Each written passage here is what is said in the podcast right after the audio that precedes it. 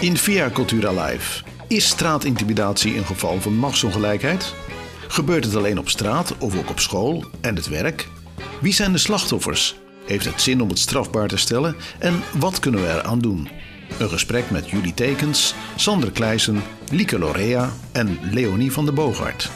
De live muziek komt van Joni Bauma en de presentatie is in handen van Kitty Kruger. Ja, en een hele goede avond allemaal. Fluisteren, fluiten, roepen, betasten. Wat zie je er goed uit? Hé, hey, hoertje, ga je met me mee naar huis? Psst, meisje, lekkere tieten.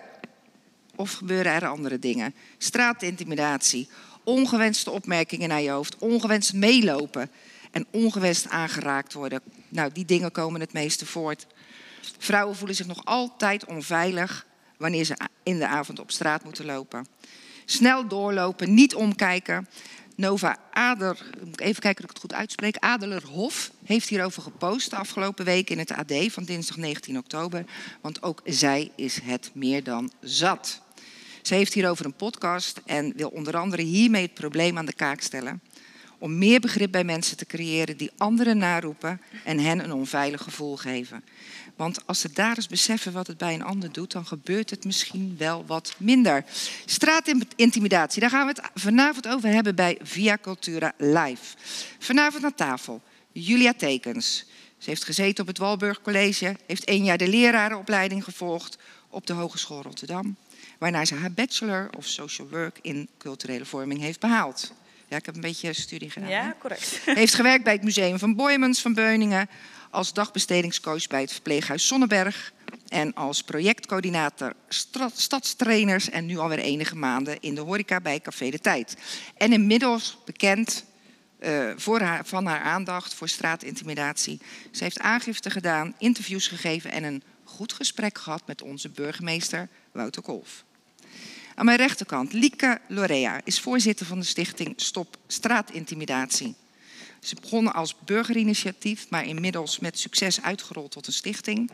Ja. En uh, Lieke gaat voorop in de strijd om straatintimidatie in Nederland uit te bannen en strafbaar, op te, en strafbaar te stellen.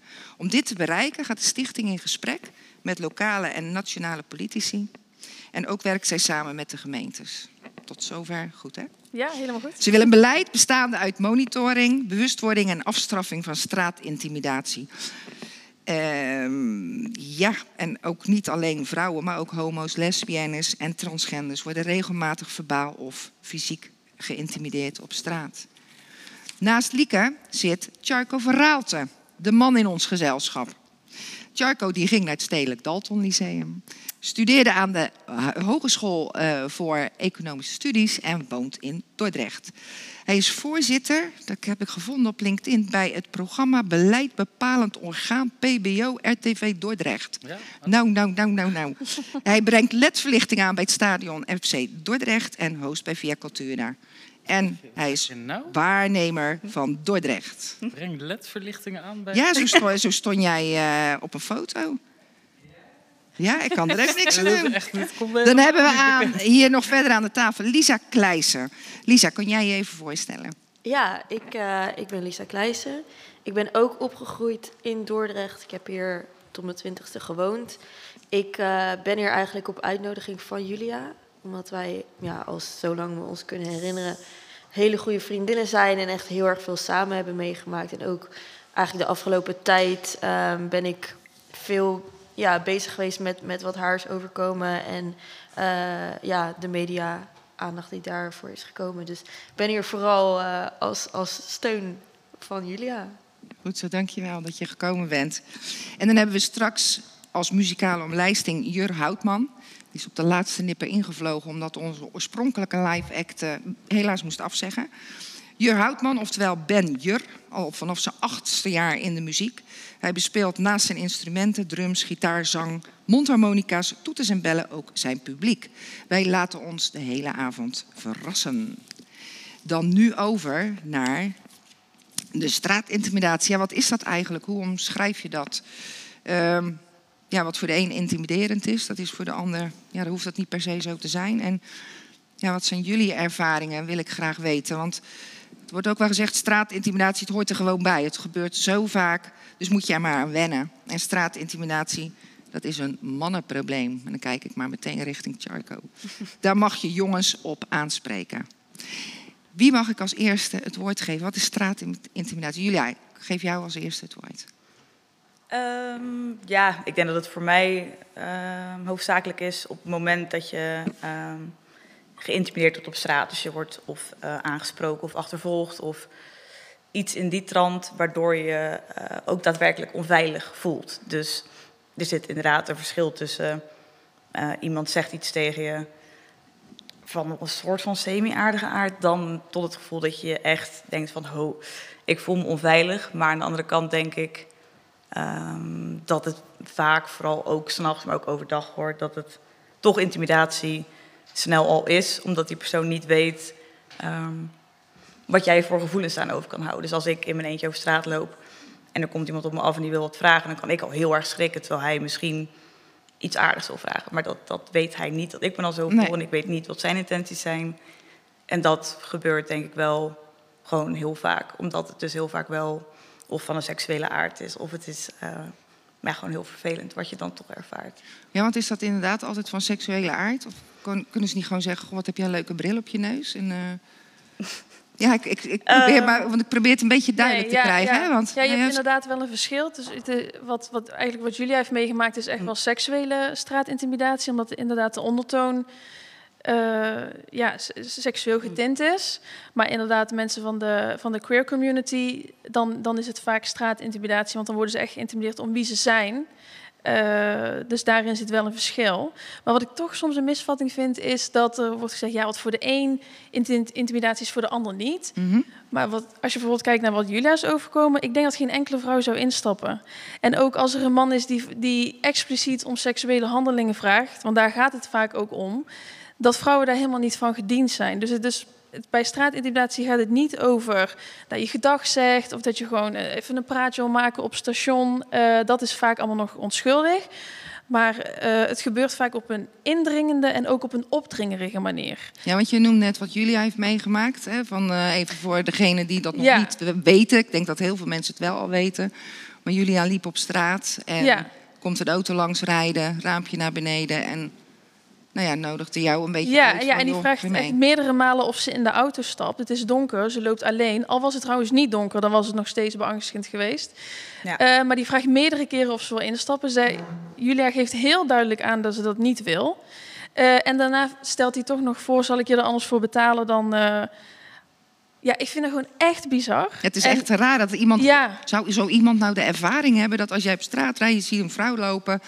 En je draait je raampje naar ja. beneden en dan uh, ja. stapt iemand in. Ik kan me dat, daar kan ik mezelf helemaal niks nee. mee en, en, dat moet dus ook niet gezien worden als een compliment, zeg maar. Want dat zeggen mensen ook vaak van, ja, het is toch een compliment. Hij vond dan toch gewoon dat je er goed uitzag. Van, nee, mensen moeten echt beseffen dat het gewoon beangstigend is sommige, sommige slachtoffers zeggen ook, ja, ik vond het ook vernederd. Want dan denk ik van, hij, dan, weet je wel, dan heeft hij me echt zo bekeken. En dan, en dan dringt hij er zo op aan.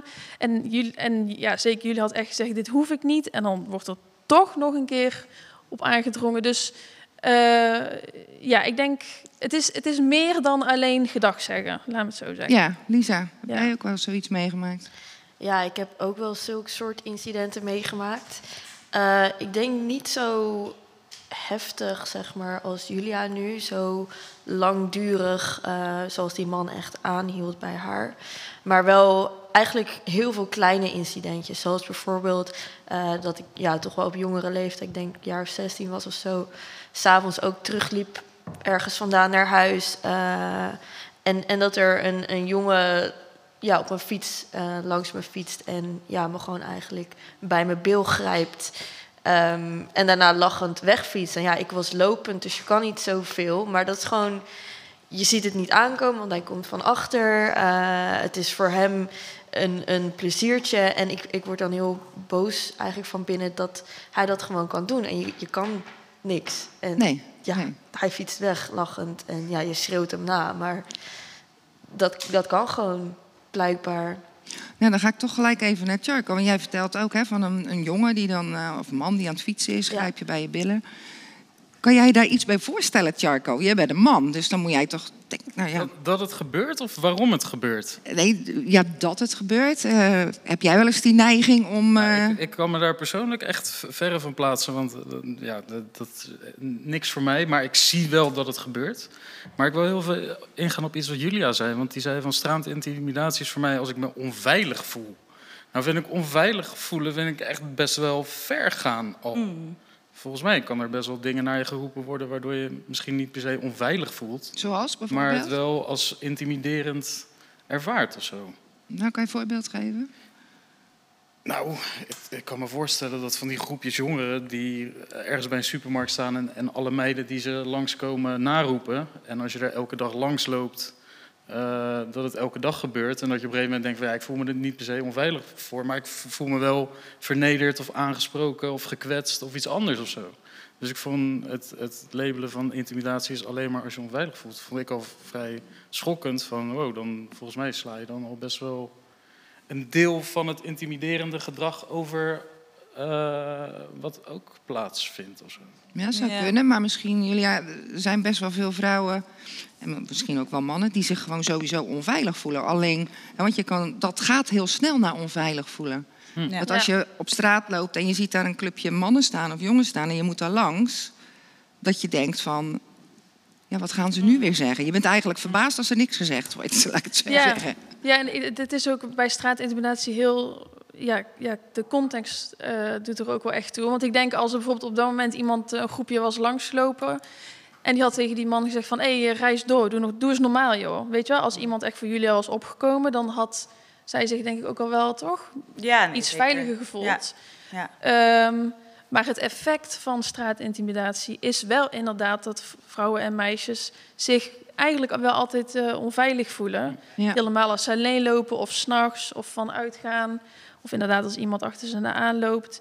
En of die intentie van die man nou goed is of niet, daar Ja. kan je niet meer inschatten. Want inderdaad, dat, dat gevoel van onveiligheid is al eh, ingeslagen, zeg maar. Ja, en ik denk dat ik dat woord gebruik en dat jij dat misschien niet helemaal begrijpt, omdat ehm, wat je zegt, je gaat je op een gegeven moment gewoon altijd eh, onveilig voelen. En dat komt alleen maar door heel veel opmerkingen die misschien wel heel klein zijn, maar inderdaad, intimideren is ook. Als iemand naar je schreeuwt, dat heb je een lekkere reet, dat is ook straatintimidatie. Maar dat onveilige gevoel, dat kruipt denk ik op best wel jonge leeftijd ook al in. Dat, dat je dus altijd nadenkt van, oh, wat heb ik eh, aan? Of moet ik misschien een hoodie om? Of kan ik mijn moeder wel bellen? En is er nog iemand op straat? En dat soort dingen. ehm, ja, dat is alleen maar een soort van gevolg van dat je dus ook bijna weet dat je je onveilig moet voelen op straat. Dat het gewoon niet eens kan, want dat wordt je ook aangeleerd, denk ik. Ja, dat, dat wordt je ook. Ja, dat wordt je letterlijk aangeleerd. Van je moet niet alleen over straat en je, moet, je mag alle- van alles wat je niet aan mag. Zorg dat je telefoon opgeladen is. Ga niet alleen naar huis. Ga er ook niet alleen naartoe. Ga niet op Ja. de fiets. Neem een taxi. Dus eigenlijk van jongs af aan word je eigenlijk al aangeleerd dat het is voor jou onveilig. En je kan er toch wel iets aan doen door al deze dingen. En Ja. dat is ook wel een heel. Ondanks dat het goed bedoeld is natuurlijk, is het wel een verkeerd signaal. Komen we zo op. We gaan er even tussenuit met Ben Jur. En heel typerend is een straatmuzikant. En nou ja, laat me, laat me, laat me horen. Ben. Dat, is mooi.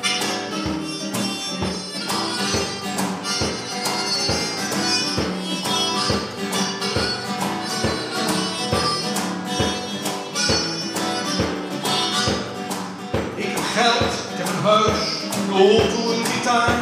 Leef zoals ik leef, alles voor elkaar. Ik is alleen die kant geld toch hebben wou. Dat zo'n mooie vrouw als jij. Ik heb twee rechterhanden, maar handig is dat niet. Een goudvis en een koppel, een kanariekees. Ik is alleen die kant graag toch hebben wou. Dat zo'n mooie vrouw als jij. Ik kan mijn haren in een scheiding, ik ga vaker in bad. Op mijn schoenen manieren, ben wat minder zat. Ik wil alles voor je doen, maar je ziet me gewoon niet staan. Ik loop een zee van sloten als ik jou voorbij zie gaan.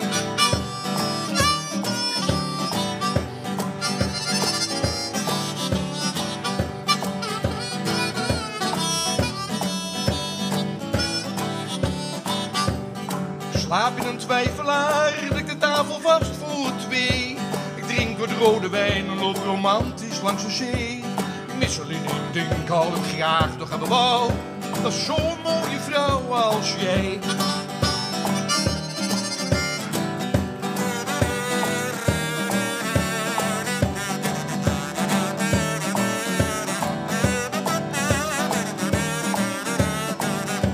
Ik kan mijn haren in een scheiding, vaker in bad. Op mijn schoenen manieren en ik ben wat minder zat. Ik wil alles voor je doen, maar je ziet me gewoon niet staan. Loop in zeven sloten als ik jou voorbij zie gaan. Misschien draag ik verkeerde schoenen of past mijn jas niet bij mijn vest. Ik ben geen Schwarzenegger, al doe nog zo mijn best. Ik mis alleen een ding, kan het graag nog hebben wou. Dat zo'n mooie vrouw als jij. Zo'n mooie vrouw als jij. Ik wil zo graag zo'n mooie vrouw als jij. Zo'n mooie vrouw als jij. Ik wil zo graag zo'n mooie vrouw als jij. Dank je. En dat was Ben Jur. Met zo'n mooie vrouw als jij. Ja, het klinkt heel erg vrolijk, hè? Maar als iemand dat toch maar achter je aan blijft roepen. Ik wil jou.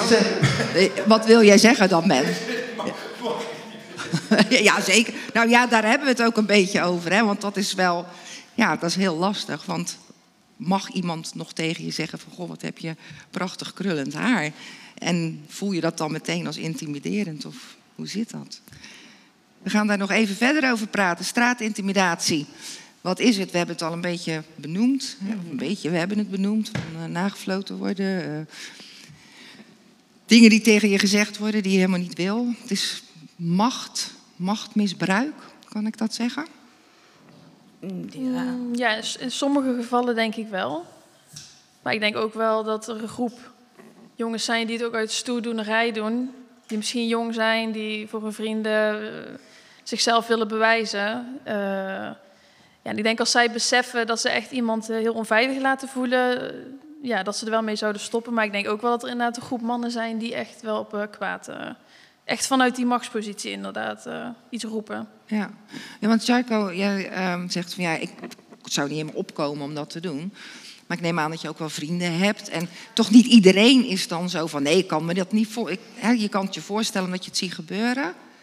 Eh, Wat, wat doe jij als je dat ziet gebeuren? Zeker. En eh, nou, mijn ervaring met straatintimidatie is dat ik ooit ook een, een meisje uit Tilburg was er mee bezig, heel veel over gesproken. En ehm, hoe jij in het begin zei van ik snap niet waarom mannen het doen. Of waarom sommige mannen het doen. En eh, ik heb daar een, een theorie over. En dat is de mens is in essentie heel opportunistisch. We doen ook mee aan de staatsloterijshow. En we weten dat de kans heel klein is dat je een keer wint. En eh, jij zei van... Ik zit even te denken waar Ja, je heen gaat. Ja. Je geeft een klap op kijk, kont en wie ik- weet krijg ik wel... Van, Je als ziet, je ziet zeker dat jo- jongeren het soort doen in groepsverband. We zijn stoer om het te doen. Sommigen doen het misschien uit een machtspositie. Maar ik denk ook dat er gewoon een groep is die het doet omdat het werkt. En dat is... Eh, ho, ho, ho, ho, Ja, ja, ho. Wacht even, dat het werkt. Wat, wat Ja? werkt? Wat gebeurt er dan Kijk, dat ik, het werkt? ik ben ook wel eens gewoon uitgegaan. En dan zie ik dat er een gozer lang rondloopt in die club. En gewoon aan elke meid vraagt: hey, gaan we neuken vanavond? En die gozer wordt door iedereen afgewezen. Maar uiteindelijk gaat hij altijd op het eind van die avond met één meid naar huis. En dat is als het zeg maar als gasten op een hoek van een straat staan. En die hebben een low-effort manier om zeg maar contact Low te effort, leggen. wat bedoel je daarmee? Nou, gewoon elk meisje naroepen. Oké. Als je er toch staat, het kost je niks. Als je het een week lang doet en één keer gaat er een meisje op in, dat vraag ik me dus af. Als er één keer een meisje op ingaat, dan blijven ze het doen, want we zijn opportunistisch.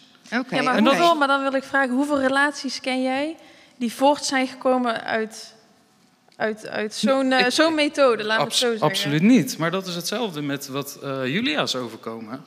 Van, eh, ik ben benieuwd als deze avond, deze gozer heel de avond zo rondleidt, rondrijdt en dat dan iedereen vraagt, nou, als hij dat een week lang probeert en er gaat nooit iemand op in, waarom doen ze het dan? Maar En vind dat- je dat low effort? Een week lang Ja. gaan rondrijden en aan iedereen Nou, s'nachts als- vragen aan ieder meisje dat daar in haar eentje loopt. Kijk, ik, ik, ik praat niet goed dat het gebeurt. Maar ik vraag me als, kijk, als er nooit iemand op in zou gaan, als het nooit zou gebeuren, dan zou het denk ik ook Oh, sneller even, wacht even. Het niet ligt dus gewoon aan de vrouwen zelf. Omdat er toch altijd wel iemand is die, die dan toch instapt. Nou, dat, dat vraag ik me af. Weet je, volgens mij is het ook dat ene meisje wat er wel op ingaat, wat zich blijkbaar in een situatie Nee, maar- zet waardoor ze er wel op ingaat. ik, ik geloof dat daar enig commentaar op komt. wel enigszins Nou, ik wil wel eh, daar een voorbeeld op geven. Dat ik heb ook wel eens in de club gehad dat iemand dan zo erg aandringt van ja, mag ik dan je nummer of mag ik dan dit? Heel vaak, heel vaak zei ik nou, ik heb een vriend, al had ik dat niet. Eh, zodat hij wegging. En heel vaak gaf ik gewoon een nummer, een telefoonnummer, was wel weliswaar het verkeerde. Maar zodat hij ophoudt. Want het is zo opdringerig. En dan denk je, nou, ik geef maar een nummer. Of ik zeg wel, ja, ja, weet je, ik ga nog even naar het toilet. En dan eh, als ik terugkom, nou, dan ben je niet naar het toilet. Dan ben je natuurlijk, dan uh, nou je de uit. Ja. eruit. Dus, maar ik denk niet. Ik denk dat echt geen enkele vrouw instapt in die auto. Ik denk ook de vraag: ja, wil je met me neuken? Nee, ik, die slagingskans is Nou, zo klein. Nou, kijk, en, en dat is wat ik bedoel. Kijk, de slagingskans dat je de loterij wint is ook verschrikkelijk klein. Maar als nooit iemand de loterij wint, doet niemand er meer aan mee. Ja, maar ho, Charco, ik vind dat toch... Ik, ik zelf En- vind en het ik een hele rare vergelijking. Een staatsloterij, dat is... ah, je hebt het met papiertjes te maken. Hm. En wat er nu gebeurt, is wel dat je met mensen hebt te maken. Julia zit nog een Absoluut. beetje van die Nee, nee, nee, maar ik, vergelijking ik, wel. ik, ik, ik, eh, ik denk dat ik wel eh, enigszins begrijp wat je probeert te zeggen. Ehm, Leg eens uit. nou ja, ik, Ja, ik begrijp het niet. Kijk, Nee, nee, nee, nee, maar ik, ik denk in een iets minder heftig voorbeeld. Want ik denk die man ehm, in de auto, ik, ik, dat denk ik elke keer als ik was ingestapt. Die wist niet, die had eh, waarschijnlijk met een bek vol tanden gestaan en gedacht van... oh, er is daadwerkelijk iemand ingestapt. Want ik denk dat dit een man is die dit voor de kick doet. Oprecht, om mensen te intimideren. En dat, ja, dat is gewoon heel eng. Ik heb ook eh, meerdere meisjes gehoord die hem hebben gezien, die door hem zijn geïntimideerd.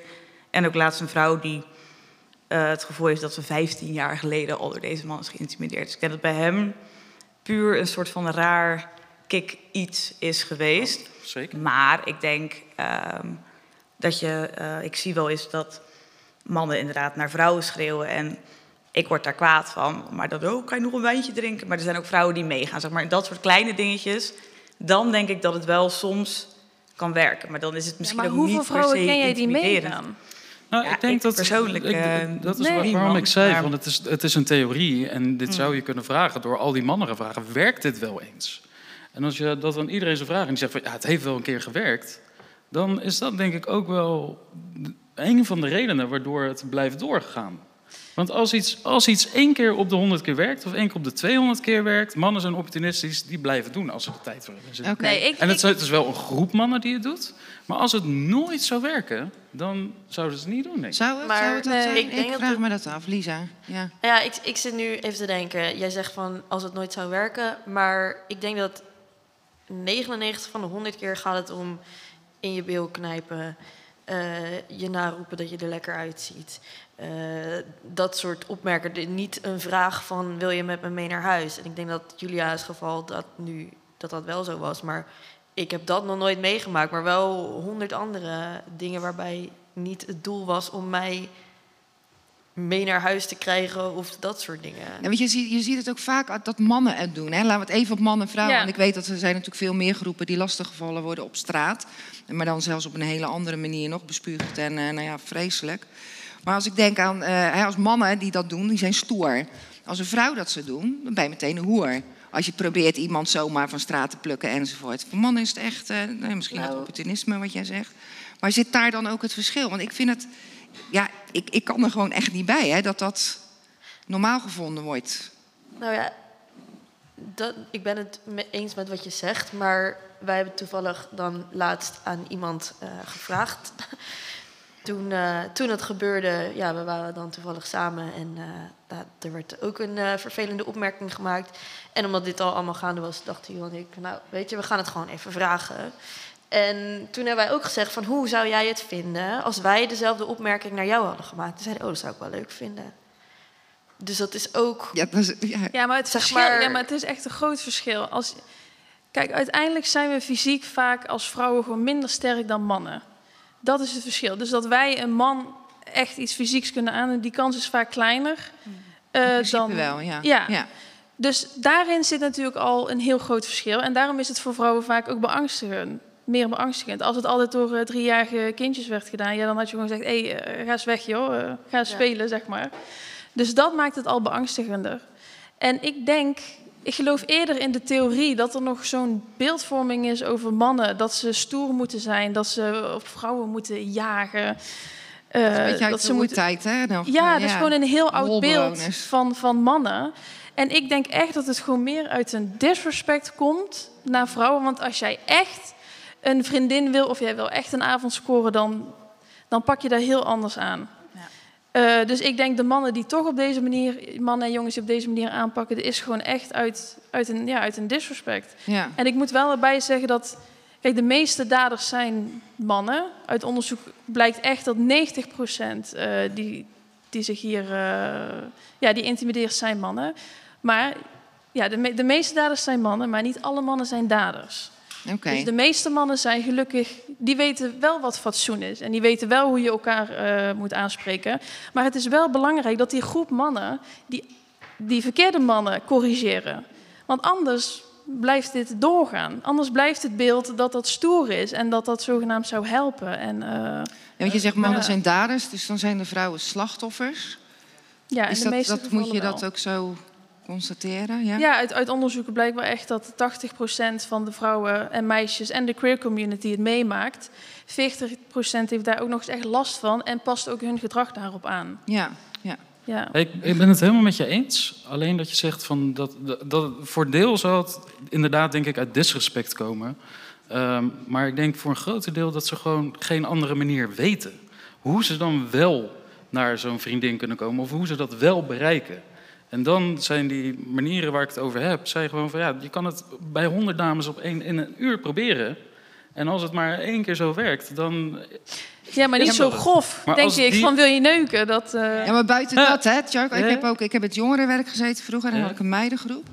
En dan uh, was ik een beetje zo met ze aan het kletsen. En dan zei ik ook van, uh, maak je dat wel eens mee? Dan, uh, dat er in je tieten geknepen wordt. Dan zo, ja, ja, ja. Maar ja, weet je, ik kan het niet vervelend vinden. Want als ik dat vervelend vind, dan hoor ik tot die muurbloempjes, tot die trutjes. En ik wil toch wel leuk gevonden worden. Dus daarom staan ze toe. Want het betekende voor hun, voor die meiden, dat ze de, in, de, in de markt lagen. En ook ja. daarin zag je dan al van uh, ja, hoe vrouwen zich opstellen. Waren ze in principe geen slachtoffer. Ze voelden zich helemaal niet. Ze voelden zich juist uh, geweldig. Maar door daar ook weer met elkaar over te praten, hoe je je echt voelt. Ik zeg, ja. als je het op een andere manier. dan kwam je wel op andere dingen. Want ze voelden zich echt niet fijn dat ze ja, zo ja. betast werden en zo. Ja, dat is denk ik ook wel een beetje een verschil tussen. Uh, we hebben het nu ook heel erg over uitgaan en dat soort dingen. En een vriendin willen. En, maar ik denk dat dat, dat wel, uh, dat is ook intimidatie, maar echt op de straat ja. is het ook weer heel wat anders dan uh, in het uitgaanscircuit. Of als je in je eentje op straat loopt en iemand benadert je. Want ik denk dat toch dat dat met andere bijbedoelingen is. Ik denk niet dat die man verkering met mij wou of zo. Oké, okay, gaan we het zo nee. verder over hebben. Want we gaan weer even naar een stukje muziek. Ben.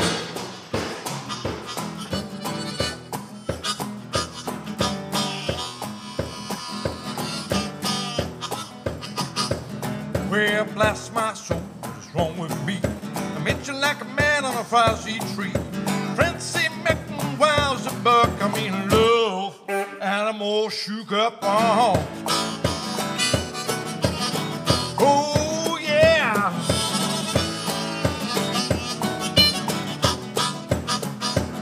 Well, my hands are shaking, my knees are weak. Can't even stand on my own two feet. Who do you think when you have such luck? I'm in love, and I'm all shook up on.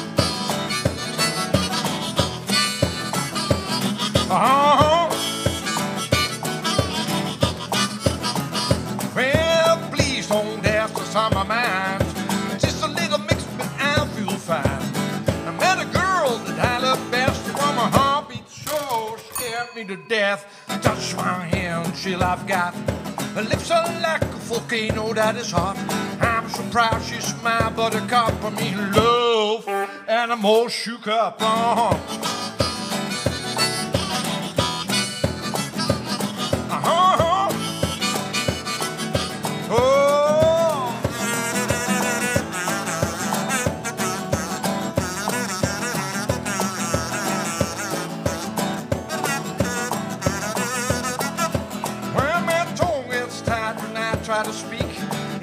Shakes like a leaf on a tree. There's only one cure for the shoulder man. To have that girl right here, right now. Where she touch my hand, she'll have got. Her lips are like a volcano, that is hot. I'm surprised you smile, but a cup I need love, and I'm all shook up on. Oh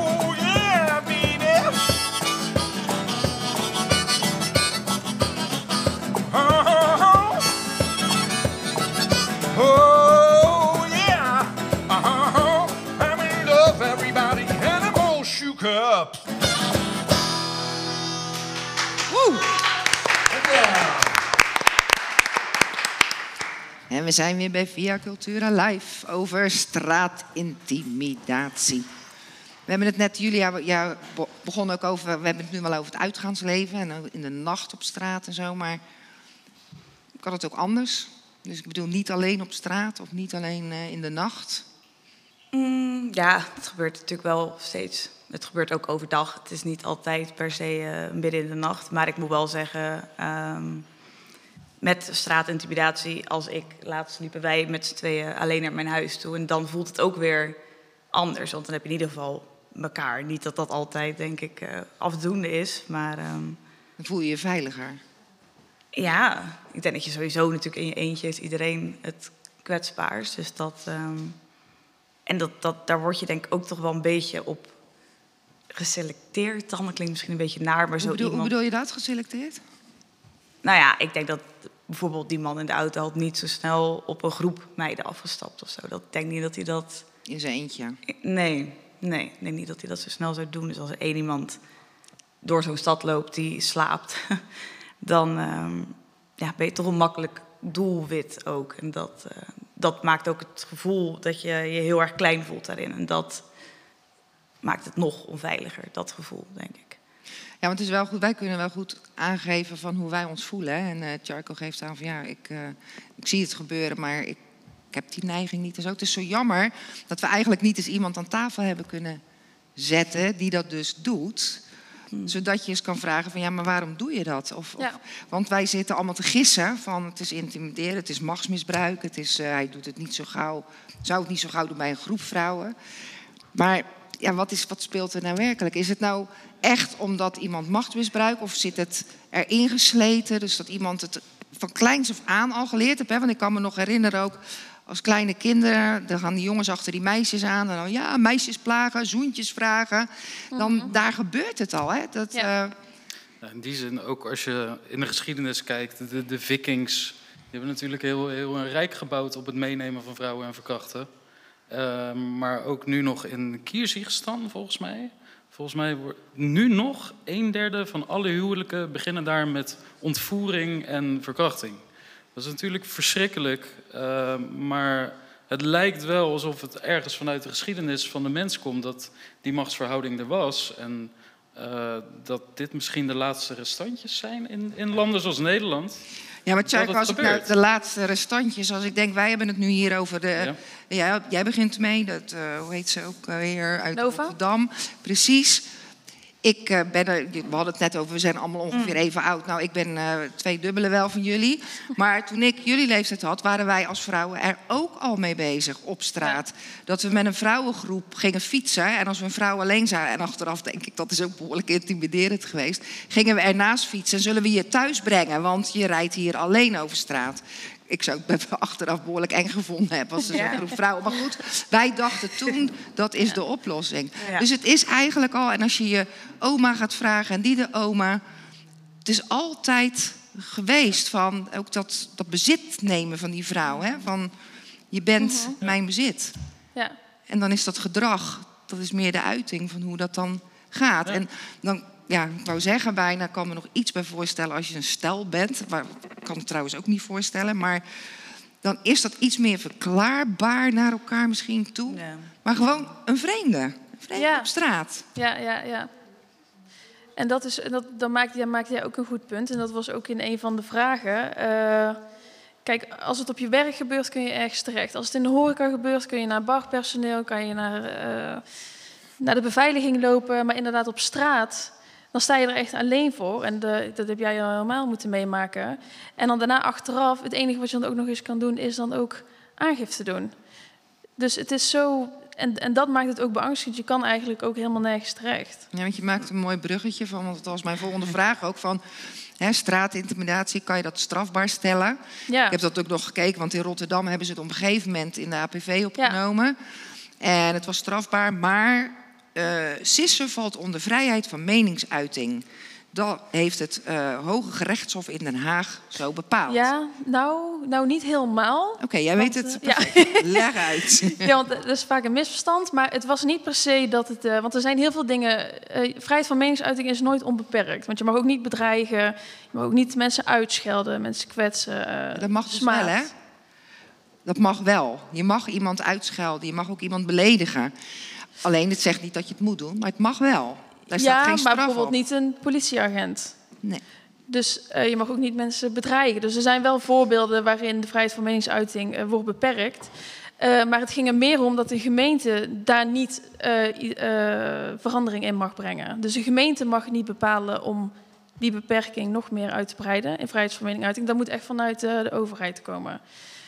En er ligt nu wel een wetsvoorstel om de straatintimidatie eh, strafbaar te stellen. En nu nog, ja, Nu moet dat ja nu moeten we nog kijken of worden. dat, ja, precies. Ja. Maar hoe moeilijk is dat in feite? Want jij je hebt een filmpje kunnen maken, dus je hebt ook nog bewijs kunnen leveren. Maar nu loop ik gewoon op straat, eh, zeker in de zomer, zonder jas, zonder tas. eh, en het gebeurt. En hoe ga ik nu bewijzen dat die persoon, die dan inmiddels al lang weer weg is, dat gedaan heeft?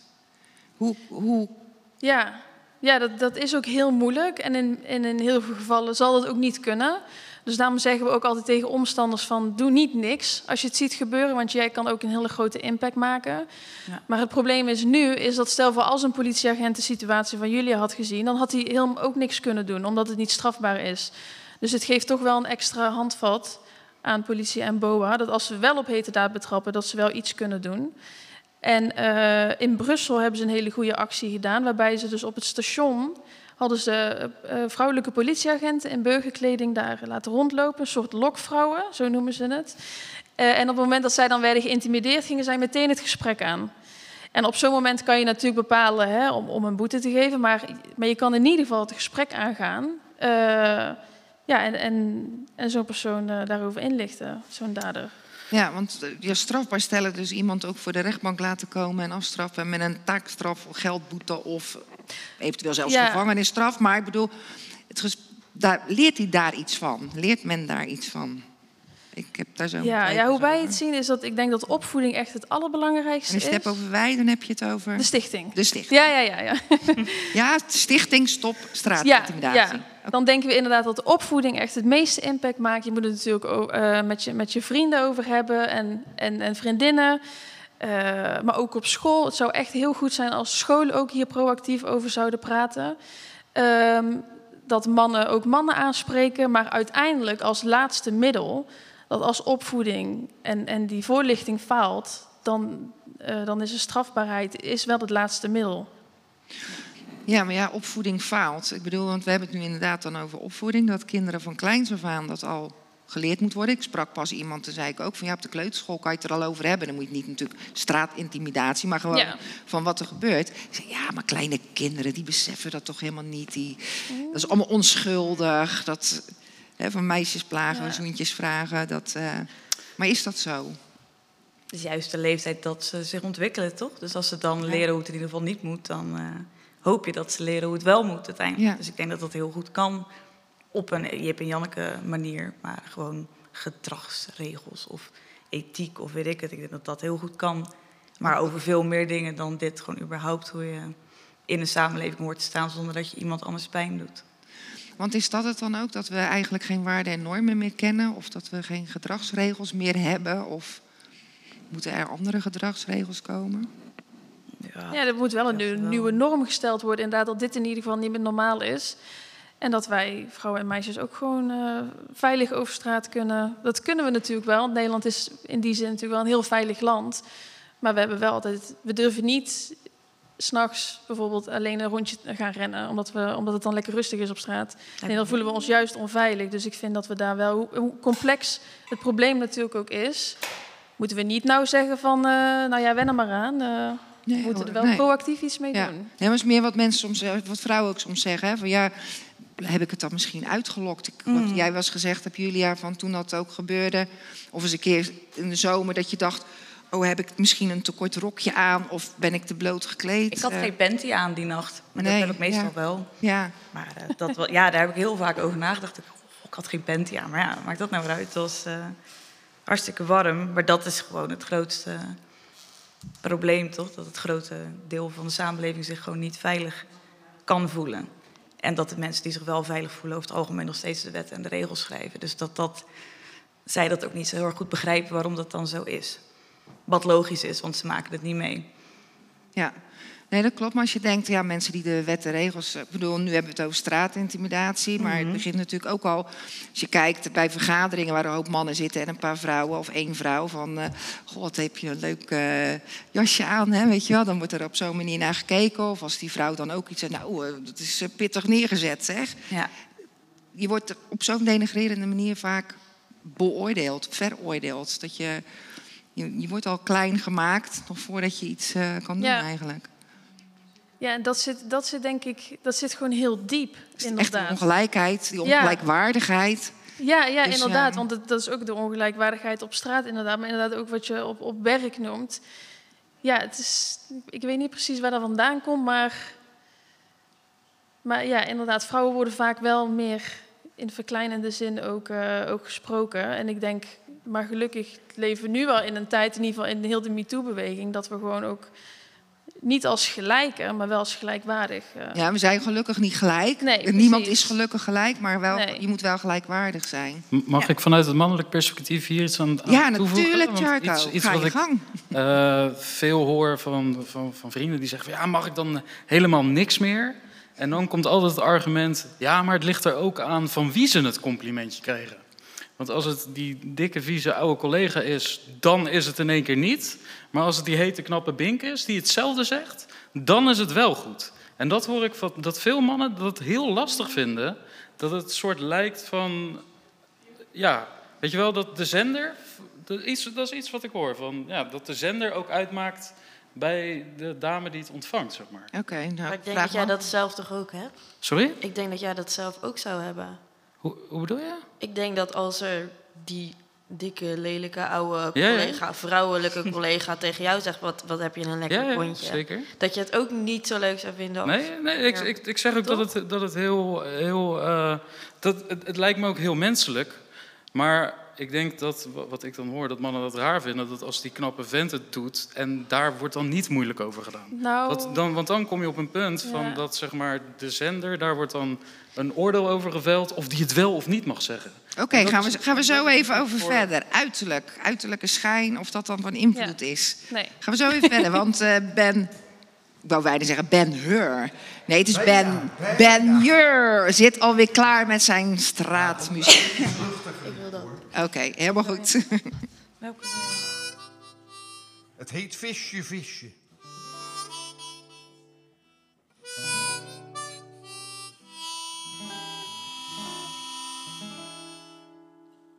Lang voelde ik geen nattigheid. Elke druppel was te veel. Elke vorm van neerslachtigheid was te zeer emotioneel. Lang was ik bang van water. Van zwemmen had ik nooit gehoord. Nu voel ik aandrang bij geklater. En mijn angst is overboord.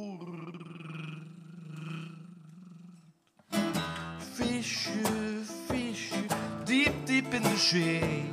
Zoals jij kan ik niet zwemmen, dan zit ik best wel mee. Visje, visje, in de oceaan te kunnen drijven. En de schoolslag, ik zou een slag voor slaan. Weer op stap, handdoek, zwembroek en gepakt. Mijn seizoenslidmaatschap. Flippers en de duikbril in de tas. Mijn zwemband en de drijvers, mijn regenjas.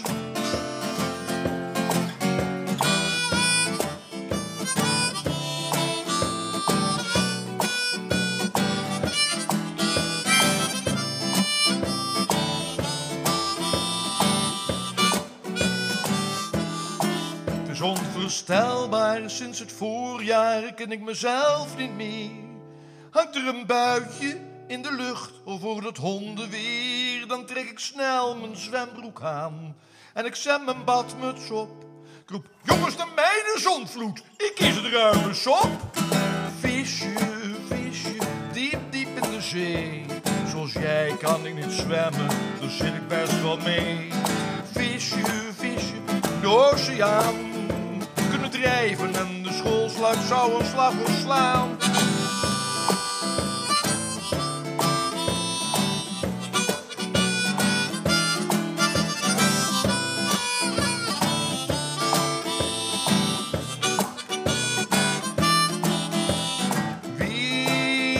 stap, handdoek, zwembroek ingepakt mijn seizoenslidmaatschap. Duikbril in de tas, mijn QR-code, mijn duikers, flippers, regenjas, mijn zuidwester, mijn paraplu en mijn laarzen, mijn sleutels. En mijn waterpas, van je weer me nooit in een waterplas. Waterpas?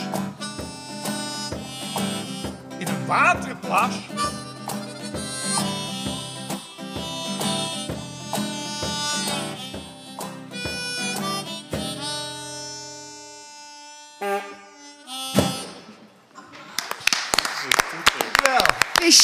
In de zee. Wie gaat er met mij mee?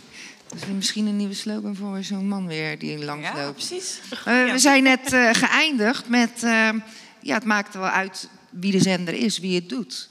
Ehm, als er dus een knappe jonge man in die auto had gezeten... en dan hey, zo, dan had dat minder effect op Julia gehad... minder negatief effect op Julia gehad. Is dat zo? Maakt het uit wie het doet? In die situatie niet. Nee, nee ik heb het ook wel. eh, ik ben ook. Nou ja, ik wil dat niet. Ik zeg dat niet, dit niet te graag. Ik ben soms een beetje naïef, wel een beetje. Dan, ik had laatst ook een man, dat is een aantal maanden geleden hoor, en dat was ook s'nachts in een wijk achter mijn huis. Je weet waar dat is. En eh, die riep ook iets uit zijn auto. En toen ben ik omgekeerd naar hem toe gelopen. Ik zeg, wat is er aan de hand? En toen vroeg hij iets over eh, waar hij nog iets te eten kon halen of zo. Het was denk ik half één of zo. Maar en dan ga ik er dan heel serieus op in. Van, ja, nou ja, hier dan misschien. Maar Dort, ja, dat is altijd heel snel dicht. En nou, ik weet niet of je in de nacht nog wat kan eten. En ondertussen eh, zit die man wel gewoon een beetje ranzig naar me te kijken. En toen vroeg hij, ben je getrouwd? En wil je misschien mee? En dit, dat. En toen dacht ik ook van, Oké. oké, ik hoef niet. eh, En dat was gewoon, zeg maar, denk ik, een man van in de dertig. En die zag er gewoon goed uit. Maar dat is ook vervelend. Toen liep ik ook weg en toen dacht ik ook... Ja, waarom heeft hij zo'n intro? Hè? Waarom, eh, Waarom heeft hij zo'n intro en waarom draai ik me ook om? Maar aan de andere kant, dat is gewoon uit... eh, Maar heeft het echt alleen met, met de uiterlijk te maken? Of heb je ook zoiets, een natuurlijk gevoel wat gewenst en ongewenst is? Ik bedoel, je kan ook bijvoorbeeld hè, met vrienden dat je denkt van nou, iemand die omarmt je en dat kan soms eh, heel prettig voelen. Maar ik heb ook wel eens gehad, terwijl er niks echt verkeerd aangeraakt, ik denk nee, dit is niet, het voelde gewoon niet goed. Nee, eh, ik, ik, eh, nee, ik kan je alvast zeggen, dat is geen factor.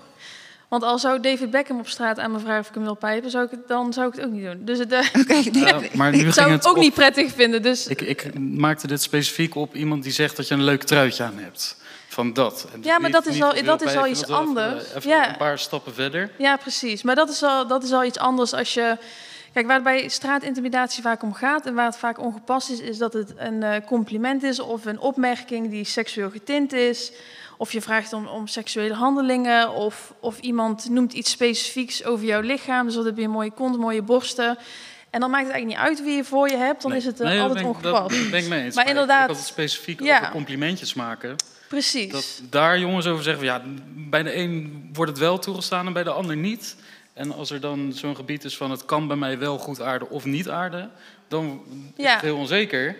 En dan heb je kans dat mannen het gewoon doen om dan maar te kijken van ja, zit ik bij die ene groep bij, van wie het wel mag of Ja. niet mag.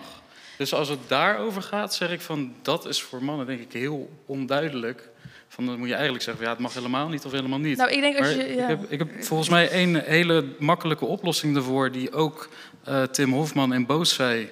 Ehm, en toevallig, heel grappig verhaal. Ik, ik heb een kantoor, daar stond ik laatst even buiten. En ik zag een, eh, volgens mij was het een Antilliaanse jongen, hij niet heel netjes uit. Op straat fietsen, een beetje zwenken, al lopen schreeuwen. En er loopt een meisje alleen op straat. Dus ik denk, blijf even kijken wat er gebeurt.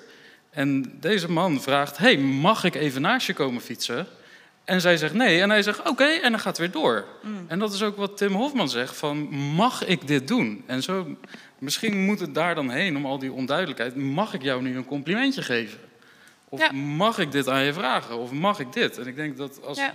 alle mannen dat doen, maar dan het moeilijke is dat er dan wat mannen dan weer moeilijk vinden, is dat je sommige vrouwen hoort zeggen: van, ja, ik wil gewoon een man die doet wat hij doet, die niet aan mij gaat vragen. En dan krijg je weer die van dat Ja. mannen een inschatting moeten maken met wie heb ik te maken. En dat Ja, maakt dit ja. probleem gewoon. Jij heel- komt die vrouwen tegen die zeggen van... hé, hey, eh, ik wil eh, niet dat je te beleefd tegen me bent... en me niet te zacht aanpakt. Gewoon, hoppakee. eh Die zijn er zeker. Oké. Ja, maar het verschilt ook weer per situatie, toch? Want ik denk, ehm, als jij, als ik overdag over straat loop, iemand vraagt inderdaad aan me, mag ik iets tegen je zeggen? En er lopen nog heel veel mensen om me heen. En het is gewoon dus reuring en de stad is open en weet ik het. Dan is het weer anders dan als jij midden de nacht naar me toe komt en vraagt, mag ik iets aan je, mag ik je een compliment geven? Dan schrik ik weer. Ik denk dat het ook echt aan de context is waar je in bevindt. Maar dat je ook zelf moet weten van oké, ik laat mensen die ik niet ken, die in een eentje lopen, vooral s'nachts, maar ook overdag, maar vooral s'nachts denk ik, gewoon met rust. Zeker, absoluut. Maar dat, dat, dat staat denk ik los van als alle mannen vanaf nu beginnen te zeggen met mag ik en dan dat antwoord afwachten en dan pas iets doen. Ja, Dat is volgens mij een heel groot deel van het probleem ja dat denk ik ook. aangepakt. En dat is ook wat die Tim Hofman zei. Maar jij, jij zegt eh, mannen zijn opportunisten. Zijn men, mannen dan ook niet snel gekwetst? Want stel nou dat al die vrouwen zeggen van nou nee. Eh, Nou, maar hoe dat- hoe dat- gaat zo'n man dan naar huis? Die is dan eh, helemaal gefrustreerd en die denkt van ja jeetje, ze zeggen allemaal nee. Dit is dus niet de goede manier hoe ik eh, iets voor elkaar moet krijgen. En dan gaan we weer terug naar... Nou, kijk, zijn mannen snel gekwetst? Dat is volgens mij ook het verschil wat je leest over hoe het verschil tussen hoe vrouwen Tinder gebruiken en hoe mannen Tinder gebruiken. Vrouwen. Even, even Tinder gebruiken. Wat bedoel je? Ja, ik ben echt Tinder, een, eh, Tinder is een dating app en je krijgt een foto en je kan dus iemand liken ja, of hè? niet Oh, liken. ja. En je hoort dat vrouwen vaak gewoon iedereen kunnen af, afklikken. En als ze één keer op ja klikken, vrij zeker van zijn dat ze een match hebben. Omdat die mannen, die geven gewoon op alles, swipen ze van naar links. Van vind ik leuk, vind ik leuk, vind ik leuk, vind ik leuk, vind ik leuk, vind ik leuk, vind ik leuk, vind ik leuk, vind ik leuk, vind ik leuk, Misschien onzekere mannen, maar... of niet? Nou, dat, dat, dat weet ik niet, maar veel mannen doen dat. En gewoon kijken welke er zit. Dus voor mannen is die ervaring van ik swipe alles en ik kijk wat er blijft kleven. En voor vrouwen is het veel meer van ik weet dat ik heel veel likes heb, dus ik ben selectief met wat ik kies. Dus dat is ook die afwijzing voor mannen. Kijken, kijken wat er blijft kleven. Ik Ja, het, ook het is, het is wel waar hoor. Ja. Het is ook toch uit een onderzoek gekomen dat voor Tinder is het wel echt dat heel veel vrouwen, Ja? vrouwen gebruiken het over het algemeen als ze niet heel prettig in hun vel zitten of als ze zich vervelen. En dan gaan ze gewoon, en die reageren ook veel minder vaak dan mannen. En Ja. mannen doen inderdaad ook vaker de, ik swipe gewoon alles en dan eh, kijk ik wel wat er inderdaad overblijft of zo. Ja. Ja, dat, dat schijnt wel echt een ding te zijn. Dus dat is ook vanuit het traditionele dat een man een vrouw moet versieren. En hetzelfde met wat ik zei, die jongen die heel de club rondloopt en aan ieder meisje vraagt: ga je me mee naar huis vanavond? Die jongen loopt op één avond eh, 99 blauwtjes. En misschien heeft hij één keer raak. Dus dat gekwetst zijn voor die afwijzing, dat is voor denk ik heel veel mannen gewoon normaal. Die worden veel vaker afgewezen, omdat ze vaker proberen. Ja, goed, we hebben het inderdaad over, over de kroeg. Hè? En dan, eh, ja, in de kroeg eh, daar ga je ook misschien wel heen om eh, versierd te worden of om te versieren, ik zeg maar even wat. Maar we hebben het nu ook over straat. Ik ga toch niet op straat lopen om te zeggen van, eh, terwijl ik naar huis loop, ik wil versierd worden. Ik kan, me daar, ik kan me er helemaal niks bij voorstellen. Het is eerder dat je dus denkt van, kan ik wel naar huis? Hoeveel vriendinnen ik die ook niet heb. Ik ga vaak wel alleen over straat. Liefst op de fiets, want dan kan je nog, eh, ben je nog eh, wat sneller. Maar die zeggen, je moet niet alleen gaan, want je weet niet wat er gebeurt. En dan is dat naroepen misschien nog niet eens zo heel erg. Want dan eh, ga ik gewoon door, kijk niet om. Maar dat blijven kleven, wat jij net zegt, zoals die man bij jullie heeft gedaan... Ja, dat Ja. is toch wel een ander dingetje. Ja, Ja. Ik zou heel graag aan die man willen vragen: hoe vaak doe je het en hoe vaak is het je gelukt? Want dat is echt de vraag hier. Als hij dit elke avond na zijn werk doet, en zeker toen hij zei: mag ik er geld voor geven? Ik, ik kan niet voorstellen als hij dit een jaar lang probeert dat het niet één keer is gelukt. Nou, ik, kan, ik denk vrouwen echt stappen echt niet ik in de alle het- verhalen. Ik hoop het niet, maar ik denk dat het Nee. vast wel een keer is gelukt. Of het moet misschien. Ja, of het moet dan in, misschien wel echt een, prostituee zijn. En, en dit moet haar baan zijn, dan stappen eventueel vrouwen wel in. Ja. Maar ik denk als je verhalen, net zoals wat er met Sarah Everhart is gebeurd, die dan ontvoerd wordt en verkracht en vermoord en dat soort verhalen in de lucht. En je wordt vanaf jongs af aan natuurlijk al geleerd om niet bij vreemde mensen in de auto te stappen. Dat wordt denk ik ook jongens natuurlijk wel geleerd. Maar dan op een gegeven moment zou je toch zeggen dat. Kijk, wat ik apart vind is inderdaad denk ik, toen jij nog heel jong was of onze leeftijd had, gebeurde het ook. Nu ben je volwassen geworden, nu gebeurt het nog steeds. Dus dan zou je toch denken eigenlijk dat mannen zich ook ontwikkelen. Dan, als, als die theorie klopt, hè? Dat ze zich dan ook zouden ontwikkelen en denken... hé, hey, dit doe ik nou tien keer, dit lukt niet. Als ik aardiger ben of, of eh, als ik vriendelijker ben en een beetje charmant... en misschien een grapje maak, lukt het vaker. Dan zou je toch eigenlijk denken dat in, die, in zoveel jaar tijd... dan zou dit dan toch niet meer bestaan, zeg maar. Omdat het toch niet lukt. Nou, dat, dan ga je er dus vanuit dat het helemaal niet lukt. En ik ga helemaal mee in je punt. Het is alleen heel lastig aan te tonen. Want hiervoor zou je moeten weten van wat zijn de cijfers in straatintimidatie. En daar kan je weinig over zeggen, omdat er nu meer dus- wordt gerapporteerd. Ja, Ik kan niet helemaal zeggen of het nu meer, meer gebeurt of minder. nou... Maar ja. over het algehele gevoel heb ik het idee dat we steeds beleefder en steeds beschaafder worden. En steeds netter wat dat betreft. Oké, nou, nee. maar- we zitten nu eh, in een... Hoop ik dan ook. Dus eh, we gaan zo even pauze houden. We horen de tune al van eh, het journaal. En na de pauze gaan we gewoon even verder weer met straatintimidatie. Ook eens eh, kijken van, kunnen we er wat aan doen? Moet het strafbaar zijn, niet strafbaar? Hebben we ideeën wat we eraan kunnen doen? Daar gaan we de volgende uur eens eh, flink over doorzagen.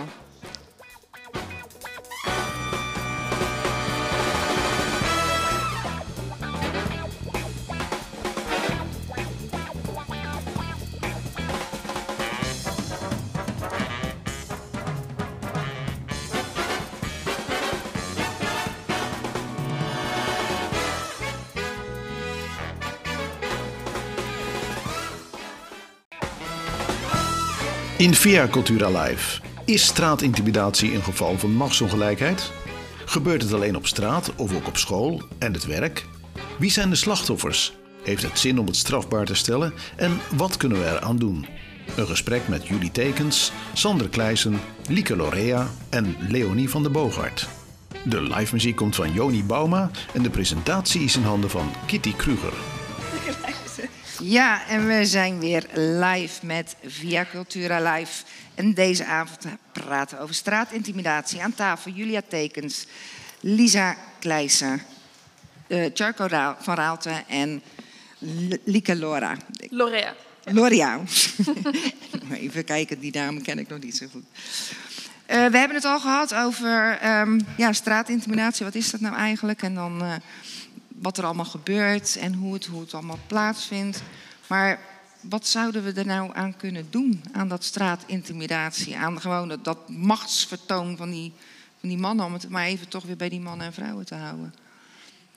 Ja, ik denk, ik vind het ook wel grappig dat het, net, eh, dat het nu netter is of zo. Ik was op een gegeven moment. Ja, want dat zei Charco, hè? Van ja, de- nee, nee, maar ik, ik, ik, ik dacht dat, ik denk dat zelf ook altijd van, oh, we zijn nu in een betere samenleving of weet ik het. Maar er kwam op een gegeven moment een, liep over de visbrug, kwam een hele, oude, nou, hele oude vrouw. Ja, nou, ja, wel echt een vrouw van in de tachtig naar toe. kijken? Heel Nee, nee, nee, maar gewoon wel echt, zeg maar echt, een, echt een vrouw op leeftijd. Ehm, en die had me herkend van de dat stond toen die dag in de krant of zo. En toen zei ze van ja, ik stond best wel perplex toen ik het las, omdat het in mijn tijd ook al eigenlijk net zo erg was en dat nog steeds zoveel gebeurt. Ze zei, dat vind ik echt heel jammer voor je. En toen had ze het ook gelijk over dat ze gestreden hadden toen en het feminisme. En dat ik dacht van ja, ik denk dat het best wel ehm, een beetje stil is gaan staan op een bepaalde manier. Of dat het probleem gewoon nooit heel erg goed geadresseerd is. Omdat het dus zo normaal werd dat je je maar aan ging passen. Dus dat dat toch gewoon ook in die norm ging horen. En ik denk dat daarom ook heel veel mannen het onbewust ook eh, nog steeds doen in meer of mindere mate. Er komen ook mannen naar me toe die zeggen van, oh, ik merk dat ik uh, vaker dan dat ik dacht wel eens over de schreef ben gegaan daarin. Maar nu zie ik dat wel anders in. Gewoon ook door dit, dat het ook gewoon zo weinig uh, aan de kaak gesteld wordt. Want ik had ook nooit verwacht dat dit filmpje zoveel teweeg zou brengen. Omdat het voor mij niet zo... Dit is niet het ergste wat ik heb meegemaakt, wat ik van vrienden heb gehoord of weet ik het. Maar ik had gewoon het geluk dat ik dat gefilmd. Maar ik had niet verwacht dat dat zo veel stof zou doen oplaaien. Omdat ik, ja, dit normaal zou ik gewoon naar mijn vrienden hebben begrijpen van, oh kut, er was weer een vent. Was ik naar bed gegaan, niks aan de hand. Maar nu, ja, kwam het toch bij mensen ook wat duidelijker binnen dat het toch wel veel enger is dan dat je ook zelf zou denken of zo. Maar dat toont voor mij alleen maar aan dat het niet genoeg geadresseerd wordt. Dat het gewoon niet. Uh, ja, wat we ook leeft. hoorden daarover is dat jouw filmpje iets zichtbaar heeft gemaakt wat voor heel veel mensen onzichtbaar is. Want op het moment dat zoiets gebeurt, is er nooit iemand bij. Dat is het hele punt. Dus ook als Jul mij vertelt van ik heb dit meegemaakt, dan was ik er ook niet bij, dan zie ik het niet. Hoor ik niet wat die, wat die persoon gezegd heeft. En dat is hetzelfde voor iedereen, want je bent altijd alleen. En daarom is het juist zo goed dat het nu zichtbaar gemaakt is. Ik denk dat het daarom zoveel teweeg heeft gebracht. Ja, want wat als je bijvoorbeeld, dat las ik van de week ergens, in Tilburg hebben ze nou in zo'n fietstunnel. Was het oh, Tilburg of in Eindhoven? Tilburg, Tilburg hè, zo'n fietstunnel. En als je daar dan doorheen fietst, mannen of vrouwen, dan krijg je dus, wat ik aan het begin van de avond een beetje riep, die geluiden, dat sissen en dat fluiten, lelijke woorden, vervelende woorden. Ja. En de gemeente heeft inderdaad, uh, of die zijn daar ook gaan staan en iedereen die eruit kwam, en dan voornamelijk dan uh, aan jongens en mannen natuurlijk, want die maken het minste mee, gevraagd van ja, hoe, hoe, ervaar je dit of hoe vind je dit? En toen, uh, ja, en toen waren toch heel veel mannen van, oh ja, ik wist niet dat dit zo erg was en dat dit soort uitspraken waren. En, en voor de vrouwen die er doorheen fietsen, die dachten eerder van ja, ja dit, dit herken ik wel. Maar dat is ook grappig dat soms liepen dan natuurlijk of een koppel doorheen. En dan en dan zei hij van, oh, ik vind het echt erg dat jij dan dit moet meemaken. Maar dan merk je ook meteen dat, dat uh, mij dit niet ook altijd bespreken met hun partner. Ja. Omdat het zo ja, geïnternaliseerd is, zeg maar. Ja. Dus dat was wel... Uh, ja. Maar dan zit je dus op een stukje voorlichting, een stukje laten zien, laten beleven. Maar Lisa, wat jij zegt over het filmpje van Julia, daardoor werd het wat uh, beeldender. Kon je wat meer begrip hebben van uh, zo gebeurt het. Ik weet, ik weet, zelf nog een keer een vriend die had van dat hele lange blonde haar vroeger. Die zat een keer op een barkruk achter ze voren en uh, die werd even van achteren zo beetgepakt. Oh. Toen had hij echt zoiets van, ik wou even een heel lelijk woord zeggen. Wat gebeurt me nu? Zo zei hij het niet, maar wat ja, gebeurt ja, me nu? Ja. En toen zei hij later van, joh Kit, nu begrijp ik pas eigenlijk wat jij kan meemaken als jij ergens staat en je krijgt opeens twee van die handen van boven om je heen. Dus is het dan ook dat mannen dat maar moeten beleven? En... Ja, ik, ja. ja, ik, misschien moeten we het terug doen. Nou ja, dat denk ik niet per se. Maar ik denk, ja, nee, ik denk dat dat een hele rare uh, oplossing zou zijn. Maar ik denk dus, ja, dat zichtbaar maken door middel van zo'n filmpje, dat kan blijkbaar al heel erg veel doen. Dus als dat meer veelvuldiger zou, zou kunnen, dan zou dat denk ik in ieder geval in de bewustwording al heel veel kunnen doen. Ja. ja. ik geloof heel erg in zo'n uh, meldpunt-app. Dus niet per se. Meldpunt-app. Ja, volgens mij zijn er ook twee. En eh, ik hoop eigenlijk dat dat veel normaler wordt uh, onder vrouwen om te gebruiken. En dan niet als, als pleister, doe er wat mee. Maar ik denk als alle vrouwen echt op het moment dat er gebeurt daar een melding van gaan maken. Dan krijg je echt een bak met data waar het plaatsvindt, op welke tijdstip het plaatsvindt. En daar kunnen dan bijvoorbeeld jongere werkers op de straat gaan kijken van om er wat echt aan te doen. Want je moet eerst ongeveer weten waar het gebeurt voordat je er wat aan kan gaan doen. Dus ik hoop heel erg dat alle vrouwen dat gewoon gaan doen. En niet met het idee van ik, ik schrijf er meteen een, een hele eh, kenmerk en, en, en, en uh, dat je iemand probeert te identificeren, maar meer gewoon echt heel veel plekken, tijden, uh, dat er gewoon gericht campagne gevoerd kan worden om in, in gesprek te gaan met die mannen. Ja, maar ook om te kijken waar het gebeurt. Hè? Want ik heb uh, zelf bij de gemeente nagevraagd. Ik zei, hebben jullie speciale plekken die je kan... Nee. zijn niet bekend? Ja, en dan zijn natuurlijk de donkere tunneltjes en dat soort dingen, dat zijn de bekende plekken. Ja. Maar gewoon op straat of plekken waar je niet, niet zou verwachten dat dat zou Ja. zijn, die Ja. weten we eigenlijk helemaal niet. Nee. En dan zou zo'n app zou dat toch wel heel veel duidelijker Ja, maken. vol- volgens mij zijn er, Maar- maar hoe- zijn er twee, volgens mij. Want Ja, hoe werkt ja. het dan precies? Zo'n Ja, Rotterdam heeft een, eh, een app, Breda volgens mij ook. Eh, Tilburg heeft, eh, heeft wel een meldingskanaal, dus dat kan je op de website doen. Eh, maar ja, inderdaad, eh, Tilburg heeft nu sinds deze zomer dus een meldingskanaal. En we hebben het nog niet, nog niet eens heel erg eh, gepromoot. En er zijn echt al honderden meldingen binnengekomen. Maar dan krijg je inderdaad heel goed in beeld... oké, om wat voor vormen gaat het, wat voor mensen, wat voor daders en, en wat voor plekken. Dus inderdaad, dat in kaart krijgen is heel erg belangrijk. Maar toch, wat jij, wat, volgens mij zei jij dat net ook, van het is, er zijn inderdaad heel weinig onderzoeken van waarom mannen en jongens dit doen. En, want je zei in het begin volgens mij ook dat het een mannenprobleem is. Want, ja, dat, ja, hè, dat haal Omdat ik. de meeste- Uit al die artikelen Ja. haal ik dat. Ja. Het is echt een mannenprobleem. precies. Ja, en, wa- en wat daarmee bedoeld is inderdaad, nu wordt heel vaak worden de oplossingen bedacht voor wat vrouwen kunnen doen. Inderdaad, van loop niet alleen. Eh, Neem je sleutelbos, Ja, een soort boksbeugel in je precies. hand. Ja, dus, dus heel veel maatregelingen voor vrouwen en meisjes. En dat werkt niet echt. We moeten gewoon kijken waarom doen jongens dit? Hoe kunnen we zorgen dat ze anders hiermee omgaan? Eh, dus het zou heel interessant zijn als daar inderdaad meer, meer onderzoek naar komt. Ja, ja, zeker. En ik denk echt, hoe vervelend het ook klinkt, dat er gewoon echt een groep kwetsbare meiden is die door bepaalde situaties zich heel eenzaam voelen en die zich wel aangesproken voelen en een keertje erop ingaan en meegaan. Dat dat een hele kleine groep meiden is die het wel, dan blijft het werken. En Die weten dat- niet beter. Die weten niet beter. En, en er is misschien een meid die diep in de schulden zit en een keer alleen op straat loopt en denkt van, oh ja, het is wel een viespeuk, maar als ik hier 500 euro kan verdienen en het hoeft er maar eentje te zijn. Nou, Die 500 erop euro, ingaan. eh, ik, ik ken een beetje die praktijk. Nee, 500 euro het- zit er niet in. Het, het Dat, gaat eh, meer om, ik denk dat er zo'n groep, ik denk dat er zo'n groep meiden is die hier echt last van hebben, omdat ze niet beter weten en erop ingaan.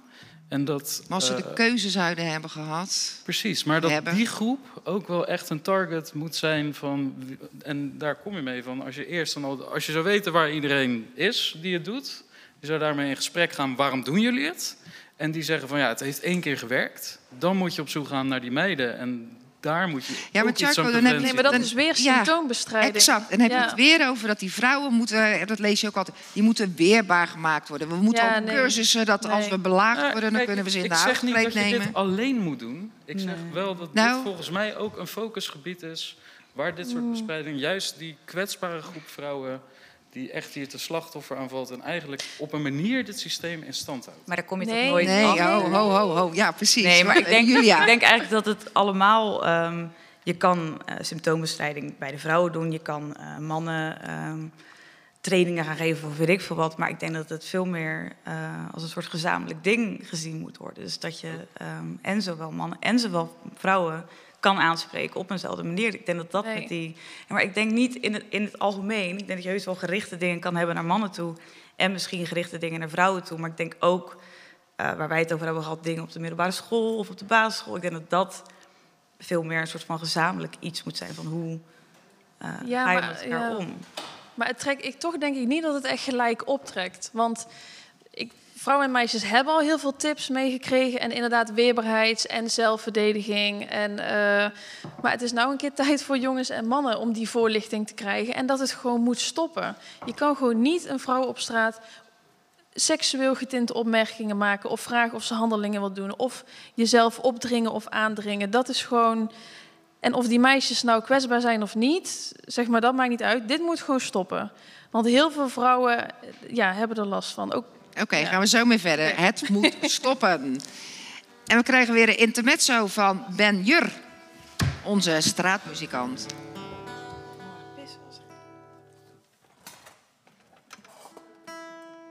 De stemming zit er weer in.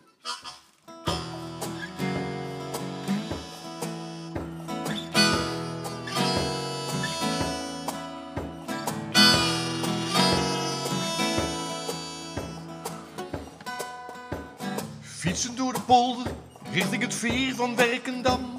Is goed vandaag, jam op mijn boterham. Schapenpad vol met keutels, maar in geen velden een schaap te zien. Met koeien in een weiland, wat paarden bovendien. Insecten en bloemen Wordt een mens bewust van hoe mooi natuur kan zijn. Hier komt een mens tot rust. De Oosthaven. Oosthaven. Oosthaven. Kronkelpaadjes vol met kuilen, wilgenbomen groen. Alles groeit en bloeit, ja het is weer het seizoen. Stilte doorbroken, een vlaagwind door het riet. Klotsend water op het zand en zelfs bij die heeft zijn lied. Zand in mijn schoenen, vliegen op mijn hoofd. Gevallen bomen in het water, een bliksemflits geloofd in de Oosthaven. Oosthaven. Oosthaven. Lente of zomer, herfst of winter, maakt niet uit wanneer je komt, want hoe dan ook je vindt er. Rust en beweging, heb en vloed, zijn van die momenten, een mens zo goed in de Oosthaven. Oosthaven. Oosthaven. Dampend en vochtig, de warm en ik zweet. De zon op twaalf uur, zelfs in de schaduw is het heet. Kleine idylle, groot prachtig oord. Oh, hier gaat de natuur. Ze gang nog ongestoord, met overhangende takken. Brandnetels en winden, nooit heb ik gedacht het paradijs te vinden. De Oosthaven. Oosthaven. Oosthaven. Een deel op het eiland van door het Oosthaven. Oosthaven. Een deel op het eiland van door het Oosthaven.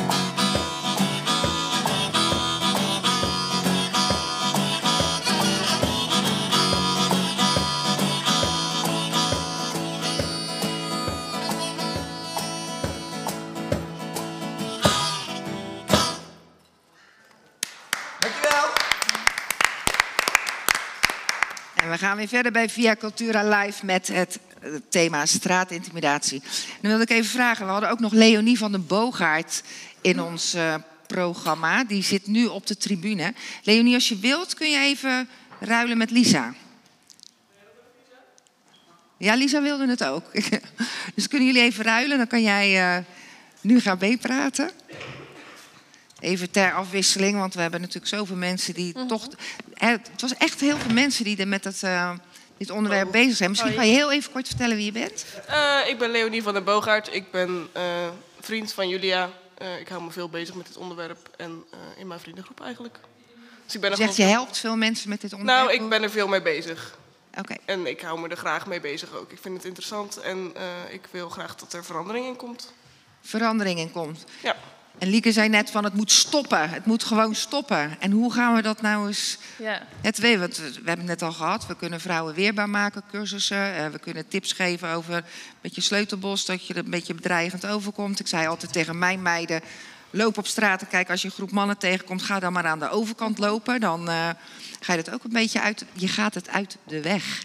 Ja. Terwijl, ja, hoe, hoe gaan we dat doen? We hebben net de, de app al gehad. De meldingsapp, waardoor we meer data kunnen verzamelen waar het plaatsvindt. Zodat er misschien, ja, dat je dan kan zeggen als je naar het strafrecht gaat of strafbare feiten, dat handhaving daar eens kan gaan staan. Terwijl ik denk als ze in hun blauwe pakjes handhaving staan, dat het misschien ook wat minder voorkomt. Ja, nee, ik, hoe jij net zegt van het moet nu eens een keer stoppen, dacht ik meteen van ehm, dat is iets wat ik dan ook hoor van ja, dan mag ik niks meer. En ik denk van ook met van het vragen dat dat misschien ook gewoon, hé, maar mag ik dan niks meer? Gewoon nee, totdat je het vraagt en ik zeg ja. Want dat is volgens mij ook een beetje gewoon de samenwerking Ja, die, die mannen en vrouwen opnieuw met elkaar Ja. moeten doen. Dat er uit die machtsverhouding eerst was van ik doe het gewoon. En dat nu op gelijke voet van ik vraag het eerst. En als dan bevestigend antwoord van dan kan het pas. Dus ik vind dat zelf. ja, Ik mag niks meer tot, totdat ik het vraag en er wordt ja beantwoord. Ja, Dat en ook dat- weder gevraagd. Dat is toch in Scandinavië nu? Dan moet je geloof ik, daar mag je pas met iemand naar bed, zelfs als je alleen maar als je het hebt gevraagd en ook antwoord terug hebt gekregen. Dus je moet consent hebben om met Ja. iemand naar bed te gaan, anders dan is het ook strafbaar. Hm. Nou, dat vind ik best prima. Maar dit gaat natuurlijk wel uh, dus een voorstadium van met naar bed gaan. Maar dat is inderdaad wel uh, ook de essentie. Ja. Consent Ja. vragen. En toch het opportunisme eruit halen. Ja, want het, ja, opportunisme eruit halen. Oeh, eh, er zijn heel veel mensen met opportunisme, opportunisme, zelfs vrouwen natuurlijk ook. Maar het gaat er ook van om, ja, hoe, want hoe ga je dat? Hè? Je zegt eh, met naar bed gaan, zelfs moeten ze, moeten ze vragen of het mag. Maar dat gebeurt binnen over het algemeen. Eh gebeurt zoveel binnen, maar op straat, hoe, hoe krijgen we dit er nu uit? Dat gedrag Ja. van die mannen die zich op een bepaalde manier Ja. machtswellustelingen op straat bevinden om die vrouwen, die vrouwtjes. Vind ik ook Ja. zo, heb ik zo hekel aan. Dat, dat is zo'n woord dat gebruiken heel veel mensen. En als Ja, iemand dan ja, tegen ja. mij zegt, Of ja, maar dat vrouwtje, dan zeg ik, is het een dwergje of zo, weet je wel? Want hoe dan? Verschrikkelijk. En dat blijft Ja. maar. Ik denk als Ja. we dan in, want taal doet al heel veel. Hè? Als Ja. we dat nou ook eens proberen uit Ja. te bannen en daar ook op te reageren, misschien dat Ja. dan ook wat. Ja, ik denk. ehm, ik zou het zelf graag willen zien dat bijvoorbeeld op middelbare scholen of zo er cursussen worden gegeven, net zoals over alcohol en drugs werd gedaan bij mij. Dat er iemand van buitenaf komt naar die school en die komt vertellen: hey, dit is er aan de hand. Ehm straatintimidatie is een ding. Ehm, praat er met elkaar over. Open het gesprek. Ehm, misschien dat iemand zich open voelt om er iets over te vertellen. Een, een vrouw of een meisje of iemand met een baarmoeder. En dat dan met de klas erover praten. Dat doet al zoveel. Als je bij iemand maar een zaadje plant, dan kan er iets gaan groeien. En ja, wat ik ook tegen al mijn jongensvrienden probeer te zeggen. Praat met elkaar. Doe dat nou eens. Ja. Wat Maar- maar- vinden jullie ervan? Maar de boodschap moet inderdaad niet zijn, oh, je mag niks meer zeggen. Want Nee. Dat is denk ik een hele verkeerde boodschap. Dat Ja. we, we moeten juist eh, eigenlijk gewoon Leren veranderen wat. in, in wat je zegt. Ja. Maar ik denk wel dat er een paar... We hebben wel een klein lijstje staan op onze website, do's en don'ts. Gewoon simpel, Ja. noem, noem een onbekende vrouw bijvoorbeeld geen schatje. Nee. En inderdaad ook niet vrouwtje, ook niet, ook niet kleineren.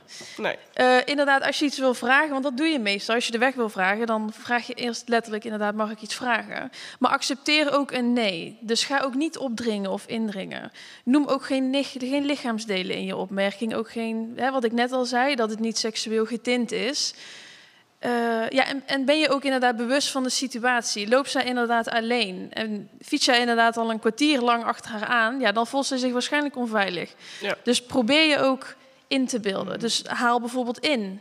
Zeg gewoon goeiedag. Maak gewoon een normaal praatje. Maar, maar we moeten van het idee af dat, dat, dat vrouwen en meisjes altijd sek- seksobjecten zijn. En daar moeten we altijd op jagen. En daar moeten we altijd iets tegen zeggen. En eh, van dat idee moeten we af. En ik denk, ja, een tip die ik meega, als je twijfelt... Als je niet kan inschatten, dan kan je beter niks zeggen. Ja. Of een Ja. goede dag. Ja. Ja. Maar Maar- deze aanpak helemaal voor. Alleen dit is natuurlijk wel. Dit gaat een generatie duren voordat het bij iedereen is geland. Dat lost het Ja. Ik probleem. hoop zo kort. Is dat ja. zo? Ik hoop ook zo kort. Generatie. We zijn al generaties bezig. Ja, en ja, het is nog steeds niet geland. Nee, nee, bij, nee, maar niemand, ik- bij een ik ben- heleboel niet. Dus waarom zou er een generatie overheen moeten gaan? Nou, kijk, als we nu op scholen beginnen, dat dan al, alle mensen die nu niet meer op scholen zitten, worden dan niet bereikt, zeg maar. Maar Nou, de kinderen, kinderen die gaan toch praten?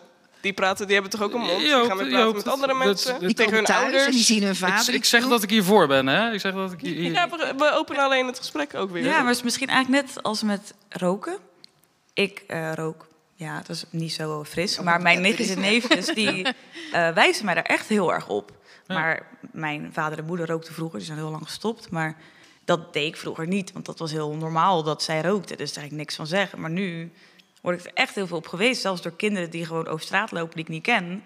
Die zeggen tegen me, roken is niet gezond. En dan denk ik, ja, ik weet het, sorry. Maar dat zou eigenlijk ook misschien met dit Dat is wel een mooi voorbeeld. hetzelfde Ja. Ja, zeker. Ja. Maar dat is ook, daar zijn hele campagnes ook. Hè? Dat Ja, maar ik denk niet- dat dat het ook toch is eigenlijk. Want ik denk niet dat er heel veel meer politie op straat moet komen. Want dan krijg je weer dat intimidatie met intimidatie bestrijden. En dat gaat alleen maar averechts werken. En dan krijg je een soort van politiestaat. Ik denk niet dat we dat willen. Nee. Maar, eh, en meer camera's en zo. Ja, dat je misschien ergens, als je weet dat daar heel veel gebeurt... of weet ik het, dat er één camera extra hangt, prima. Maar ik geloof echt niet in meer blauw op straat. En ik denk dat met zo'n campagne, dus met lessen op middelbare scholen... of ook hogere scholen of weet ik het, gewoon alle scholen die er bestaan eigenlijk... en op werkvloeren en weet ik het...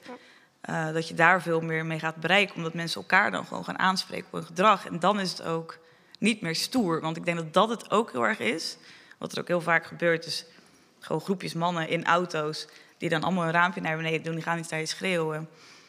En dan vinden ze dat allemaal natuurlijk heel grappig. Terwijl wij lopen weg. En dan Mhm. voel je toch dat je ook weer een beetje denkt van... hmm, hmm, dat je toch iets meer eh, ingezakt wordt. Of dat je je toch weer wat kleiner voelt. Omdat dat is gewoon letterlijk wat het elke keer weer is. Ja. Je wordt weer een soort van klein gemaakt. Dan moet je jezelf weer omhoog zien te werken. En dan gebeurt er weer iets. En dan denk je weer, oh ja, nou, oh, maar dat kost gewoon zoveel moeite. Ja. Ja. Want het is mannen bewust maken, maar ook vrouwen bewust maken. Dat ze Iedereen. ook mogen zeggen dat ze ook het niet fijn hoeven te vinden. Ja. Want dat een voor- voorbeeld gaf ik net met die jonge meiden die dan zoiets hadden van ja, ik moet dat gewoon leuk vinden, want anders ben ik eh, een of andere muts die eh, niet meetelt. Maar je noemt les, jullie noemden lespakketten. Zijn die er ook al voor scholen, lespakketten? Nou, voor, specifiek voor straatintimidatie niet. Tenzij een docent zelf besluit van ik vind het heel belangrijk. Maar wat we wel echt merken is sinds de afgelopen twee jaar krijgen wij echt heel veel aanvragen van studenten die hier wel een onderwerp over doen. Ja. En dat zit echt ja. in, in, in de hoek van rechten, maar ook sociologie, zelfs al vanaf de middelbare, eh, middelbare school. Dus die, die, die aanvraag en dat, dat ze er echt onderzoek naar doen, of ze moeten een kunstwerk bedenken, of echt uit alle hoeken. Dus dat is wel wat me opgevallen is. Er is vanuit studenten en vanuit leerlingen wel echt vraag om, eh, om hiermee bezig te zijn. Want jouw stichting is die bijvoorbeeld is die ook aan het denken over om eens een, ja, een, een, een lespakket te maken of een les te maken. Want het kan soms heel simpel, heel kort, Ja, krachtig Ja. En als je dan met filmpjes laat zien, nou ja, ik vind die Ja. tunnel in Tilburg, toen ik dat zag, vond, vind ik geweldig. Ja. We, we hebben hier in Dordt ook wel een paar leuke tunnels die we daarvoor kunnen gebruiken. Maar gewoon Ja. om het beeldend te maken, om ja. Ja.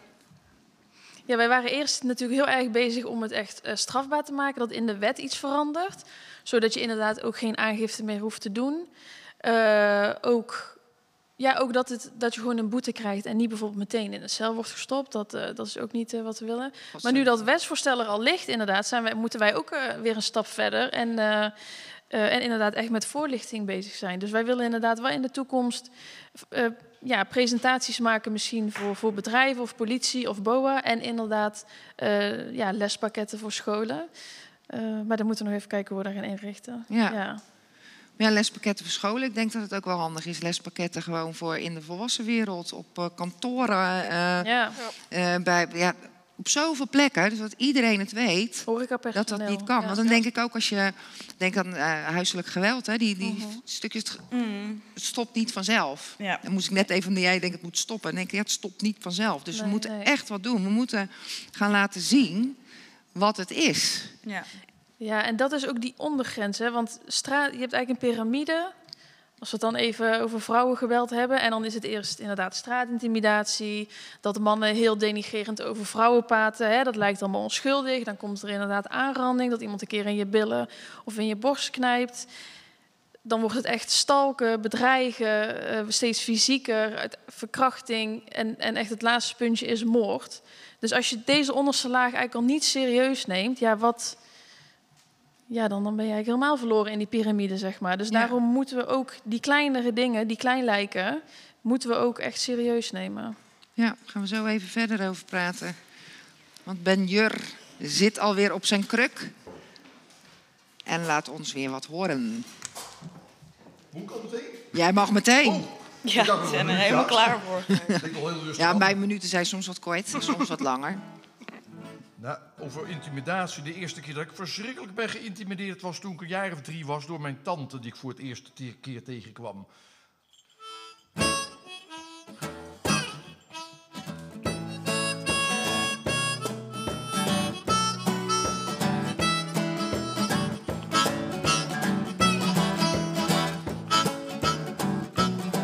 Wel op een feestje zag ik haar. Ik schrok volkomen naar, want plots kwam zij zomaar op me af. Ik was toch wel een hoop gewend, maar deze dame was net een vent. Zo groot, zo voorst dat het net een monster leek. Het was mijn tante Wilhelmina Isabella. O mens, wat was ik bang dat ik onder een tafel kroop en liever nog achter het behang. Was mijn tante Wilhelmina Isabella. Ik had het nog nooit gezien, dus om me beter te verbergen, pakte ik bovendien het tafelkleed. Bij twee punten beet zodat het servies goed van tafel gleed. Kopjes schotels op de grond en wie ik toen plots naast me vond, je raadt het al. Tante, ik ben je tante Wilhelmina Isabella. Oh jongen, wees niet zo bang. Kom onder die tafel vandaan, ik plak je echt niet achter het behang. Ik ben je tante Wilhelmina Isabella. Jongen, doe niet zo mal. Ze sleurde me onder die tafel vandaan en ik dacht, hartaanval.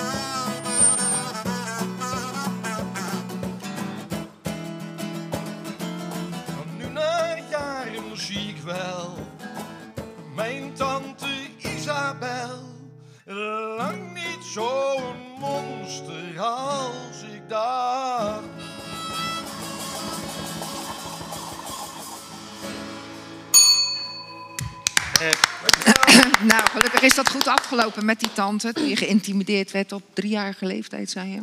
Ja, dat zeker. Of op driejarige leeftijd. Dat je... Ja, dat was een intimiderende dame was dat, zo. Jij voelde je echt geïntimideerd. Zo, echt wel. Maar wat had dat te maken met haar grootte of hoe ze zich gedroeg? Of... Eh, het was flink een fors, eh, bijna een vent. Oké. Zie je toch weer die mannen, hè? Ja. Ja. Goed, we, we zijn nu een beetje gekomen aan ook toch eh, van de oplossingen zoeken. En eh, ja, Julia had ook al aangegeven, hè, we moeten niet de oplossing zoeken voor de vrouwen alleen. Het is een gemeenschappelijk probleem voor zowel mannen als vrouwen, jongens en meisjes. Nou ja, ik denk dat het ehm, gewoon een groot deel ook gewoon bewustwording eh, daarin is. Ook voor mannen, maar ook voor vrouwen, maar voor de hele maatschappij. Dat het gewoon niet, het, het gaat gewoon niet door de beugel. Het is eigenlijk gewoon best wel vreselijk, toch?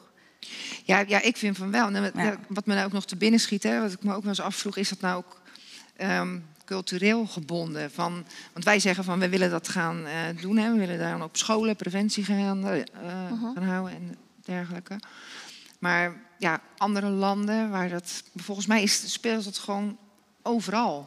Ja, natuurlijk. En ik denk dat je daar ook, ehm, ook niet te veel naar moet kijken. Maar ik denk dat je meer nu moet kijken naar we leven in het vrije Nederland. En we zijn zo veilig. En, en, en burgemeester Kolf zei het ook nog. We zijn zo veilig hier in Dordt. Maar ja, waarom voel ik me dan eigenlijk nooit veilig als ik in mijn eentje loop? En dat, Dat is- zei, dat zei jij ook tegen hem, hè? Van, Ja, hoe kan ja, het? En dat- wat, wat gaf hij daar als antwoord dan op? Van, eh, Ja, eigenlijk eh, dat ze er eh, mee aan de slag gaan nog wel. Dus dat is, ik hoop dat dat ook daadwerkelijk gaat gebeuren. En ik, ehm, hij was ook enthousiast over die app, geloof ik, hè? Ja, dat ook. Dus ik, eh, als ik daar niet in binnen aanzienbare tijd iets over hoor, dan ga ik ook weer gewoon mailen. Ook al vindt hij dat misschien niet heel prettig. Maar, ehm, Nou, ik denk het wel. Want anders had hij niet gezegd dat hij ernaar zou kijken. Nee, en, eh, nee. Maar ehm, ik, ja, Ja, maar hij, hij had het meer, hij maakte meer de vergelijking met echt hard crime. Dus echt eh, inbraken, mensen die dood worden geschoten, echt eh, de, de harde criminaliteit. Dat, dat, dat we daarin steeds veiliger zijn geworden. ja. Maar, maar ik denk dat je die vergelijking niet echt met eh straatintimidatie kan maken. Nee, want ik wil, jij gaf net die piramide van geweld, hè? Dat je nou uiteindelijk moordt. Nou ja, dat is de stap, Mhm. de uiterste stap, ja, denk ik. Ja. Maar misschien ga ik nu te ver om te denken van... ehm, ja, die intimidatie, je voel je onveilig, je vindt het eng. Maar word je ook niet een stukje steeds verder afgebroken... en dat er een soort psychische moord op je ontstaat? Dat je gewoon steeds kleiner gaat voelen... en steeds moeilijker wordt om weer terug te komen, om sterk te zijn. Dat denk ik zeker. Maar ik denk dat dat ook een beetje het lastige daarin is. Want de politie die... eh, ik, ik heb veertien keer met ze aan de telefoon gezeten. Ik ben niet geholpen door ze. Zelfs toen ik op een gegeven moment... de vierde of de vijfde keer dat ik hun belde... toen zei ik ook van ik voel me op dit moment heel erg onveilig. Dus kan ik of een wijkagent spreken... of kan ik een van jullie spreken of kunnen jullie iets doen? Ja, nou ja, je wordt over twee dagen eh, teruggebeld. En dan voel ik me heel de nacht toch wel heel angstig. Terwijl ik helemaal geen bang persoon ben. En dan lig ik toch in mijn bed en dan baal ik er toch weer van. Want dan denk je ook weer van, ik wil me niet zo klein voelen. Ik wil juist weer strijden, maar je voelt je onveilig. En de personen die eh, jou veilig zouden moeten laten voelen... die laten je gewoon letterlijk stikken. Omdat ze niet helemaal begrijpen wat je dan bedoelt. Want als, zij mij, eh, als die man mij een tik op mijn neus had gegeven... en ik had een bloedneus gehad, nou, dan heb je daadwerkelijk bewijs van... oh, ik heb pijn. Maar als die man dit doet en ik voel me daarna onveilig... dan kan je niet aan me zien, niet letterlijk aan me zien. Maar je hebt Dan nog begrijpen wat, mensen. later Ik, een zou- ik zou zeker doorgaan met hier een punt van maken. Als je echt wil dat er verandering in komt. Want het is natuurlijk iets heel Nederlands om te zeggen... als iemand met een probleem aankomt, kijk eens hoe goed we het al doen...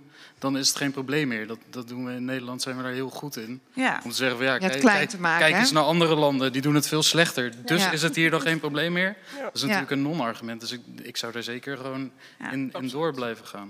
Maar Ja, ik- je- ik dat, heeft, ik- dat heeft jullie ook wel gedaan. hè? Want je bent nog naar het politiebureau geweest en je hebt een, een eh, goed gesprek gehad uiteindelijk. Eh, of een gesprek gehad, laten we het zo zeggen. Maar was er ook begrip voor dat jij kon zeggen van... Joh, ik heb zoveel moeite moeten doen om con- überhaupt contact te krijgen. Dus is er ook niet iets dat bij politie misschien iets moet veranderen...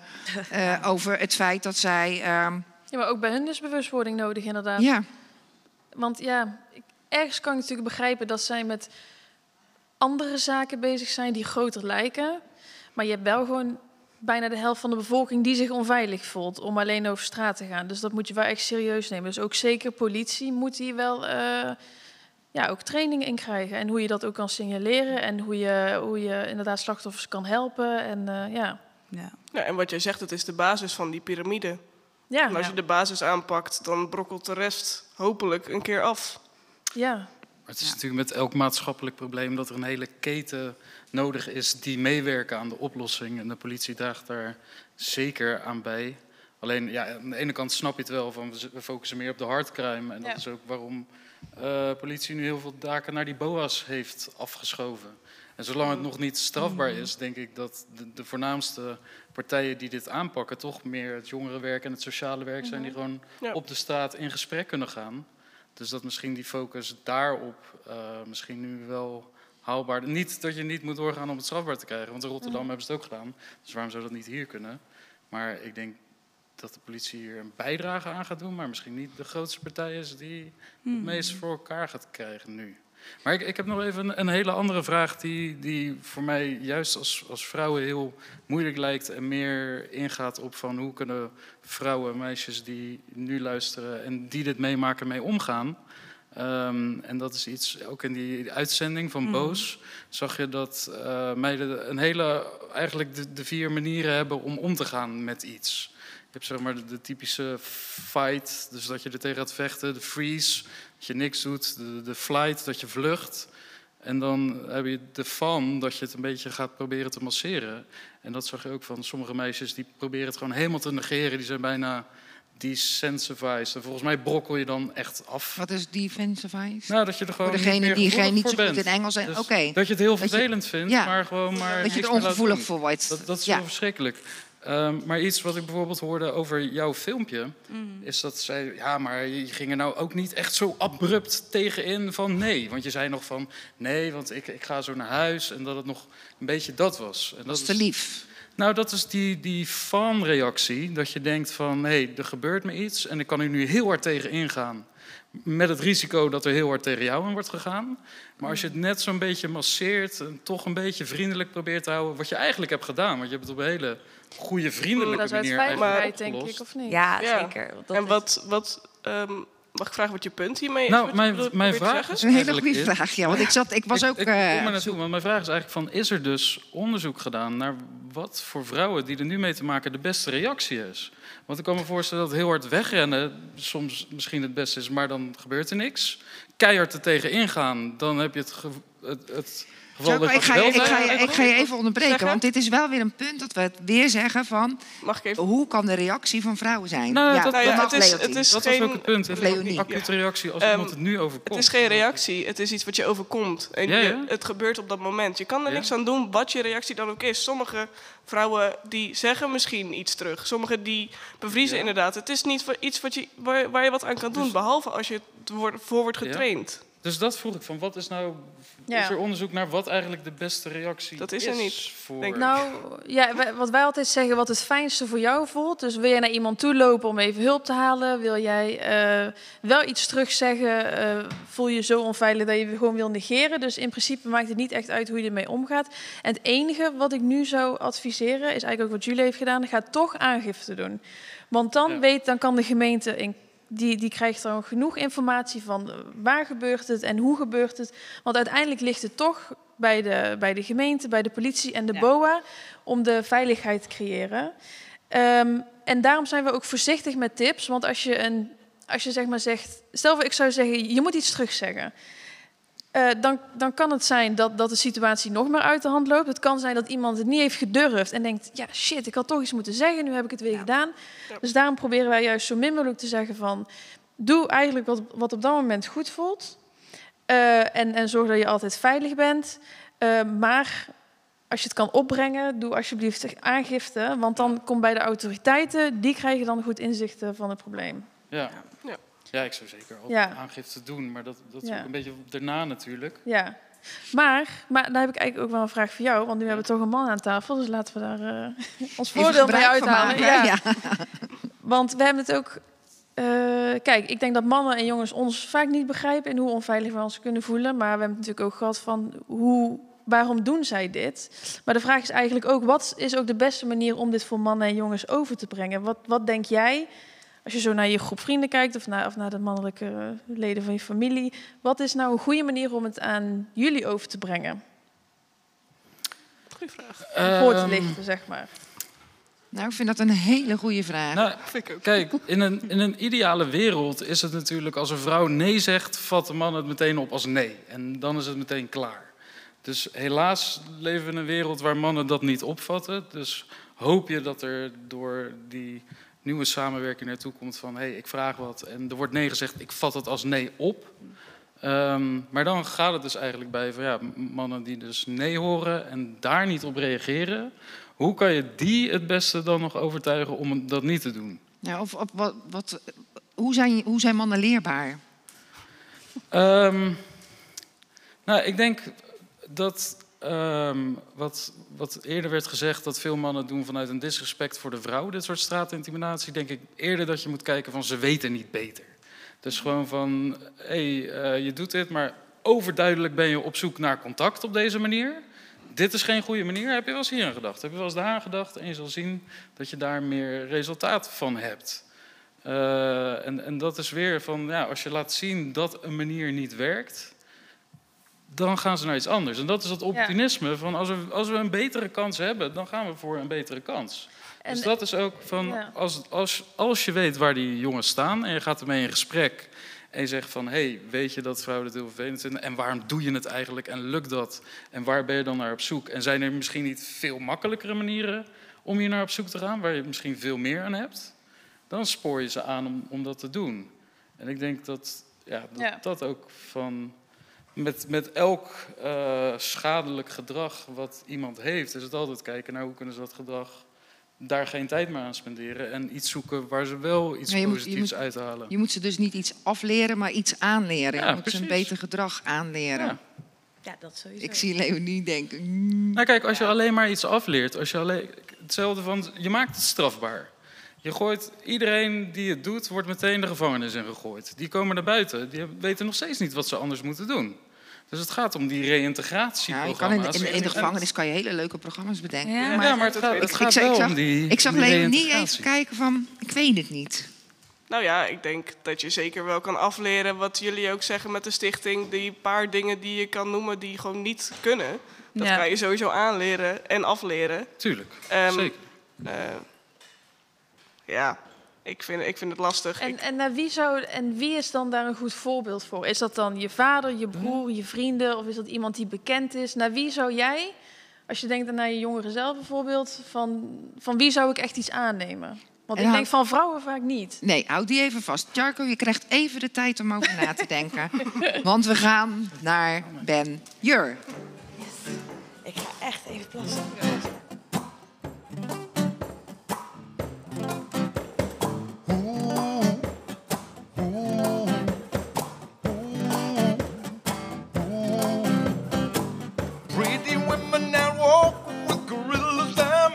Street. Before my window, I'm staring while my coffee goes cold. Look over there, there comes a lady that I used to know. She's married now, engaged to something, so I'm told.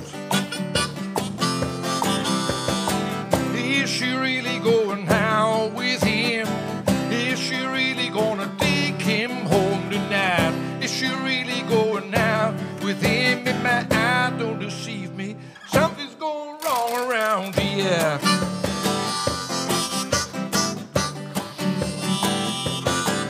Well, tonight is the night of the good old the parties down my street. I wash my hair and I keep myself a look real smooth. Look over there, there comes Jeannie with a new boyfriend. They say the looks to count from macho to go shore proof. Is she really going out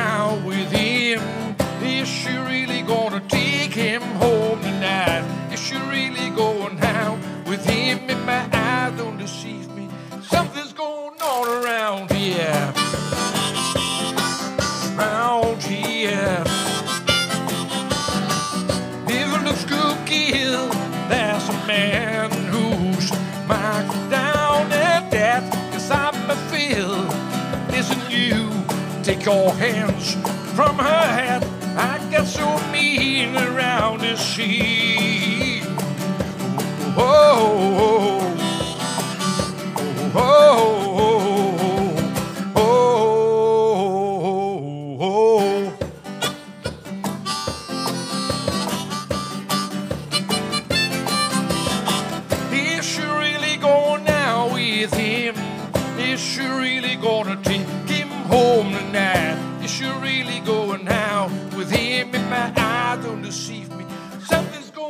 on around here.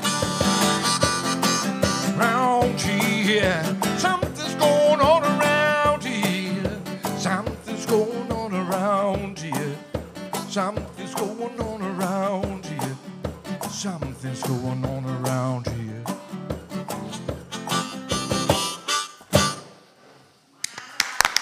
Ja, gaat ze inderdaad met hem mee vannacht? Dat is de vraag. Ja, dat liedje Is She Really Going Out With Oh. Tonight? Is... Ja, dat is wel weer een goede songtekst. Ja, ja, ja, ja, ja. ja. Ja, het eerste liedje was je een mooie vrouw. Dat Ja, vind ook een leuke toch, zin. eh, eh, Ben Jur zoekt ze toch wel goed uit. Ja. Waardoor je weer zo van... alsof dit aanvult, hè?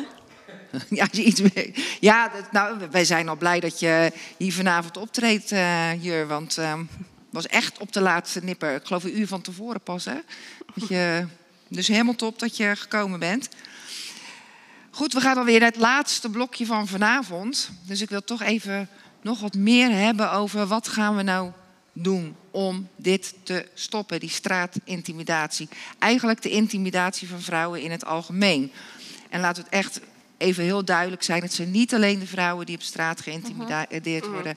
Het zijn ook, eh, nou ja, we, we hebben het al Ja, gehad, van de de hele. community of, of, of mensen met een handicap. Exact, Ja. exact. Iedereen die Iedereen. gepest kan worden op straat en die zich heel onveilig, eenzaam en ongelukkig kan voelen. Ja. Wat gaan we er dan doen? Ja, we hadden nog een antwoord. Ja, ja, dat is een hele goeie. Dat vergeet ik bijna. Ik zat zo in mijn eh, Ja, ja. in dat liedje. Kan je nog één keer de vraag stellen aan eh Charco? Ja, de eerste vraag was hoe kunnen we jongens het, eh, en mannen het beste inlichten? En dan naar wie zouden ze eigenlijk luisteren? Dus wie kan ook het beste die voorlichting geven? Ja, eh, sowieso denk ik niet dat er één aanpak is die voor iedereen werkt.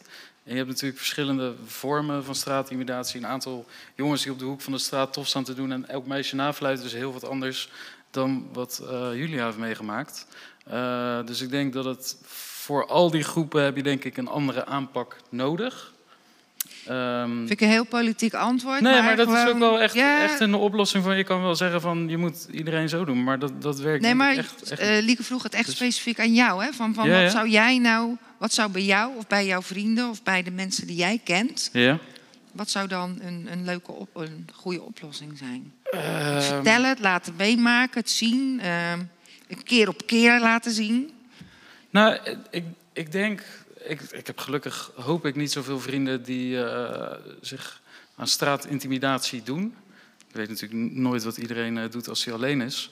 Eh, maar de keren dat ik dat heb meegemaakt, zie ik wel dat er inderdaad gewoon de verandering is gekomen doordat veel mensen hem erop aanspreken. Dus dat het meer gewoon echt in, indirect Ja. die verandering plaatsvindt. Ehm, dus voor die mensen die al een sociaal netwerk hebben, die bijvoorbeeld dat soort filmpjes zien. Want ik denk nu ook meer van ja, als ik het nu zie, dan zal ik ook mensen erop aanspreken. Ik voelde me heel erg aangesproken door wat Tim Hofman zei. Je bent pas echt tof als je een andere gast durft aan te spreken Ja. op dat hij dit doet. Absoluut. Eh, dus dat speelt heel erg mee. Maar echt die specifieke situatie waar Julia heeft mee, dat zijn volgens mij gasten die met niemand contact hebben en dit in het hols van de nacht stiekem doen. Misschien hebben ze een vrouw die er ook niks van af weet. Zou kunnen. Dat is natuurlijk een veel moeilijkere groep om eh, te bereiken. Dus het is wel een politiek antwoord, maar het is wel denk ik de manier om het aan te pakken. Dus daarom ben ik meer benieuwd van hebben jullie inzicht in welke vormen zijn er en, en wie doet het? Ik denk En dat er helemaal niet zoveel vormen hoeven te zijn. Ik denk dat het eigenlijk gewoon erom gaat dat het gewoon niet moet gebeuren. En dat heel veel mensen dat op een gegeven moment weten en ook daadwerkelijk Ja. voelen en elkaar erop aanspreken. Zodat het ook verschuift van dat het normaal is en zelfs in sommige gevallen dus stoer of leuk om te doen. Naar dat het gewoon niet oké is. Dus dat je niet meer tof of cool bent of dat het normaal is om te doen. Maar dat, Ja. het gewoon, dat je het gewoon niet moet doen. Klaar. En ik denk dat dat eigenlijk een hele makkelijke... eh, nou, niet heel makkelijk, maar het is wel een duidelijke boodschap, denk ik, uiteindelijk. Het, dat kan, dat, het eh, zou zo simpel kunnen zijn als je het eh, Ja. zo brengt. Het moet Ja. gewoon stoppen. Het moet gewoon niet kunnen. Ja, maar ik denk dat dat gewoon puur alleen maar is gewoon door meer bewustwording door heel de maatschappij heen. En dat op een gegeven moment dan verschuift de groep eh, die het dus of normaal vinden of die het doen, die verschuiven zich een beetje mee naar de mensen die vinden dat het niet normaal is en die het ook niet doen. En als die groep groter wordt, dan vindt die groep het ook niet meer zo leuk, want dan horen ze daar niet meer bij en je wilt toch ook weer daarbij horen. En dan kan het op een gegeven moment. ehm, ik zat ook net te denken van je kan wel zeggen, kan het strafbaar maken heeft dat wel zin. En ik denk dat dat eh, wel degelijk zin heeft. Ik denk echt niet dat gelijk de hele gevangenis vol zit of zo. Maar stel, wij zouden nu allemaal eh, de bank mogen beroven. Dat zou gewoon mogen, in principe. Dat, eh, dat kan je gewoon doen. Dan doen Mag- denk ik mag best... ook, hè? Ik bedoel, Nou ja, dan denk ik, straf, dan denk ik dat best wel veel mensen dat zouden doen. Maar op het moment dat ze zeggen... oh nee, je mag toch geen bank meer beroven...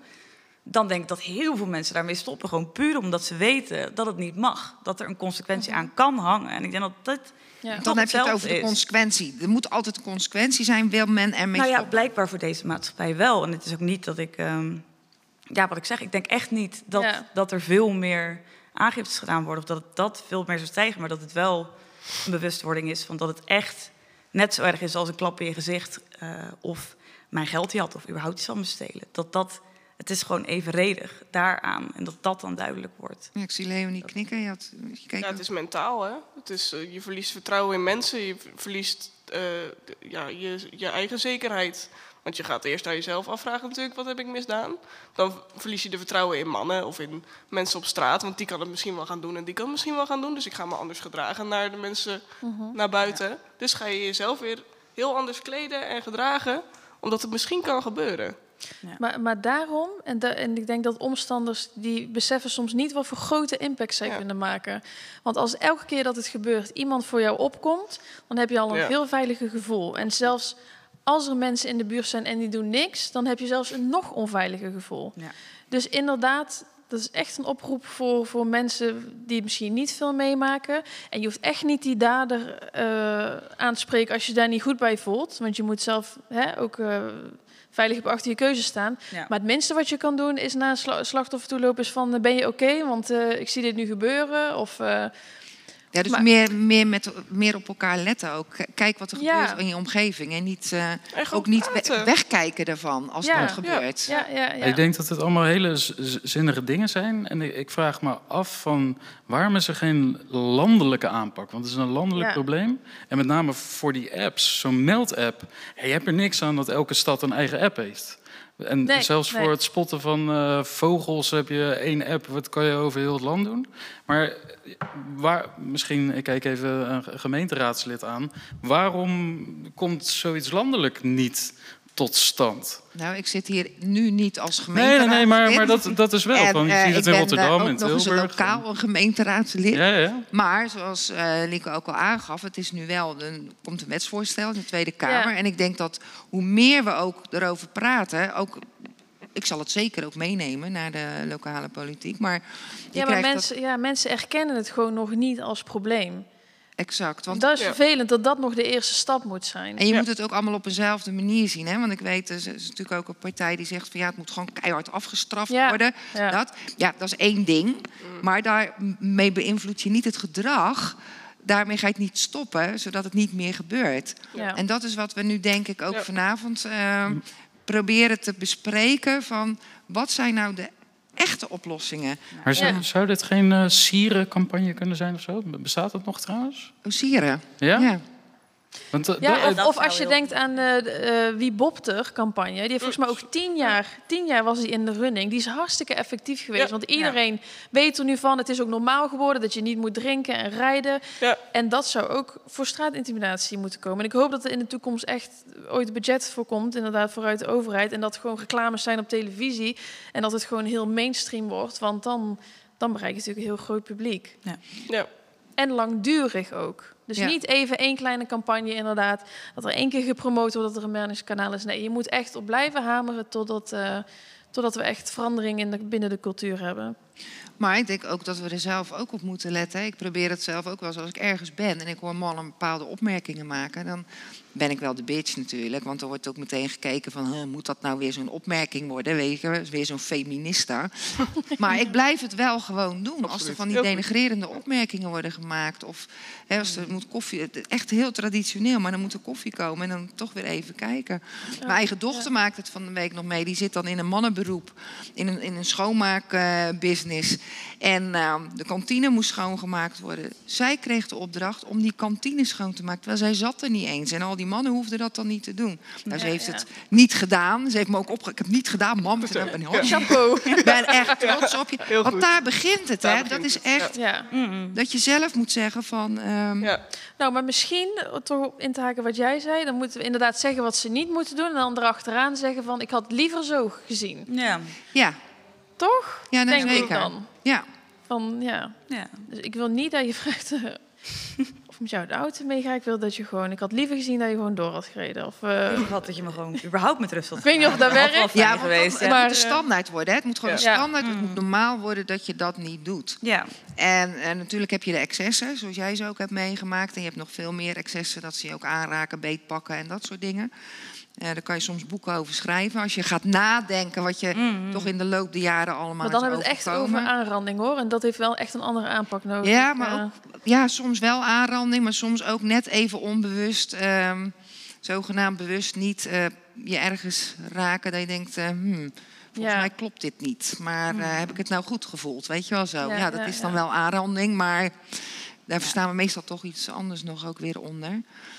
Maar je hebt wel gelijk trouwens, over dat vrouwen dat ook moeten doen bij elkaar. Of als ze iets zien, dat je daar ook Ja. wel wat meer alert Want had jij wel ook, een, jij hebt dat pas ook meegemaakt. Dat vond ik wel een mooi voorbeeld. Van dat je zegt, we moeten een soort code hebben onder elkaar. Dat je, Nou, dat was een vriendin die eh appte mij dat ze gewoon over straat liep en dat er eh, een jongen en een meisje kennelijk ruzie hadden of iets. En ze liep wat dichterbij en ze merkte dat dat meisje oogcontact met haar aan het maken was. En toen voelde zij direct van, ik moet haar helpen. En dat meisje tegen haar, heel lang niet gezien, dit en dat, maar ze kenden elkaar niet. En toen pakte die vriendin van mij haar zeg maar, onder de arm en zei, hey, leuk, kom ze met me mee. En zij trok haar uit de situatie weg. Maar dat is ook eh, dat idee van die app wat ik dan heb. Ik denk dat dat heel erg die samenhorigheid is die ook af en toe wel een beetje ontbreekt in onze samenleving. Dat je die weer gewoon wat sterker kan maken, dat je elkaar kan helpen. Omdat het heel vaak met zo'n klein dingetje is het eigenlijk al voorbij. Als het zeg maar over straatintimidatie gaat. Als iemand je gewoon even kan helpen. ja, en gewoon, dat je ernaar vraagt ook van, kan ik je helpen? Ja, nee, Kan ik iets voor je doen? Zeker. Ja, ja. En dat ik ook nog denk trouwens dat vrouwen dat ook moeten doen. ik zat zo te hameren. Eigenlijk zou eh, Sander Kleijsen komen, eh, de broer van eh, Lisa. Maar die kon niet. Die is voor mij aan het werk, dankjewel Sander. En eh, toen ook Charco wou gelukkig wel komen. Omdat ik weet dat als jij er niet had geweest... dan eh, waren we weer een stelletje vrouwen die aan het praten waren... over onze problemen en gevoelens en emoties. En nu is dat dan toch anders. Maar dat is eigenlijk ook heel erg. Dat je, wat je net zegt, ben je weer een feminist of je bent een zeikwijf. Maar dat is het niet, want we vinden niet dat vrouwen beter zijn dan mannen. We vinden gewoon dat we gelijkwaardig aan elkaar zijn. Ja, ja. En ik hoop dat mensen dat wel ook kunnen begrijpen. Ja, we, zijn, we kunnen hier nog uren, denk ik, over praten. Toch zijn we aan het einde gekomen van eh, dit programma, Straatintimidatie. Het is een eh, gezamenlijk probleem. En we moeten elkaar hier meer in begrijpen. En dan hebben we het over samenhorigheid. Ehm, ja, nou, bedankt aan eh, Via Cultura Live met licht en geluid van Hans de Bruin. En we hebben een nieuwe ster aan het firmament, Hakan Malkoc. Ik hoop dat ik je naam goed zeg. Dank aan Paul Henderson, eindredactie cameraregie Ilse Schrier. En dank aan Julia Tekens. Ehm, Leonie van der Boogaard. Ehm, wie hadden we nog meer? Eh, Lieke, Lorea, Charco van Raalte en Lisa. Eh, allemaal hartstikke bedankt. Er moet een eind aan komen. Het moet stoppen. En jij bedankt, eh, Kitty. Oh, en ik was... Ja. Kitty.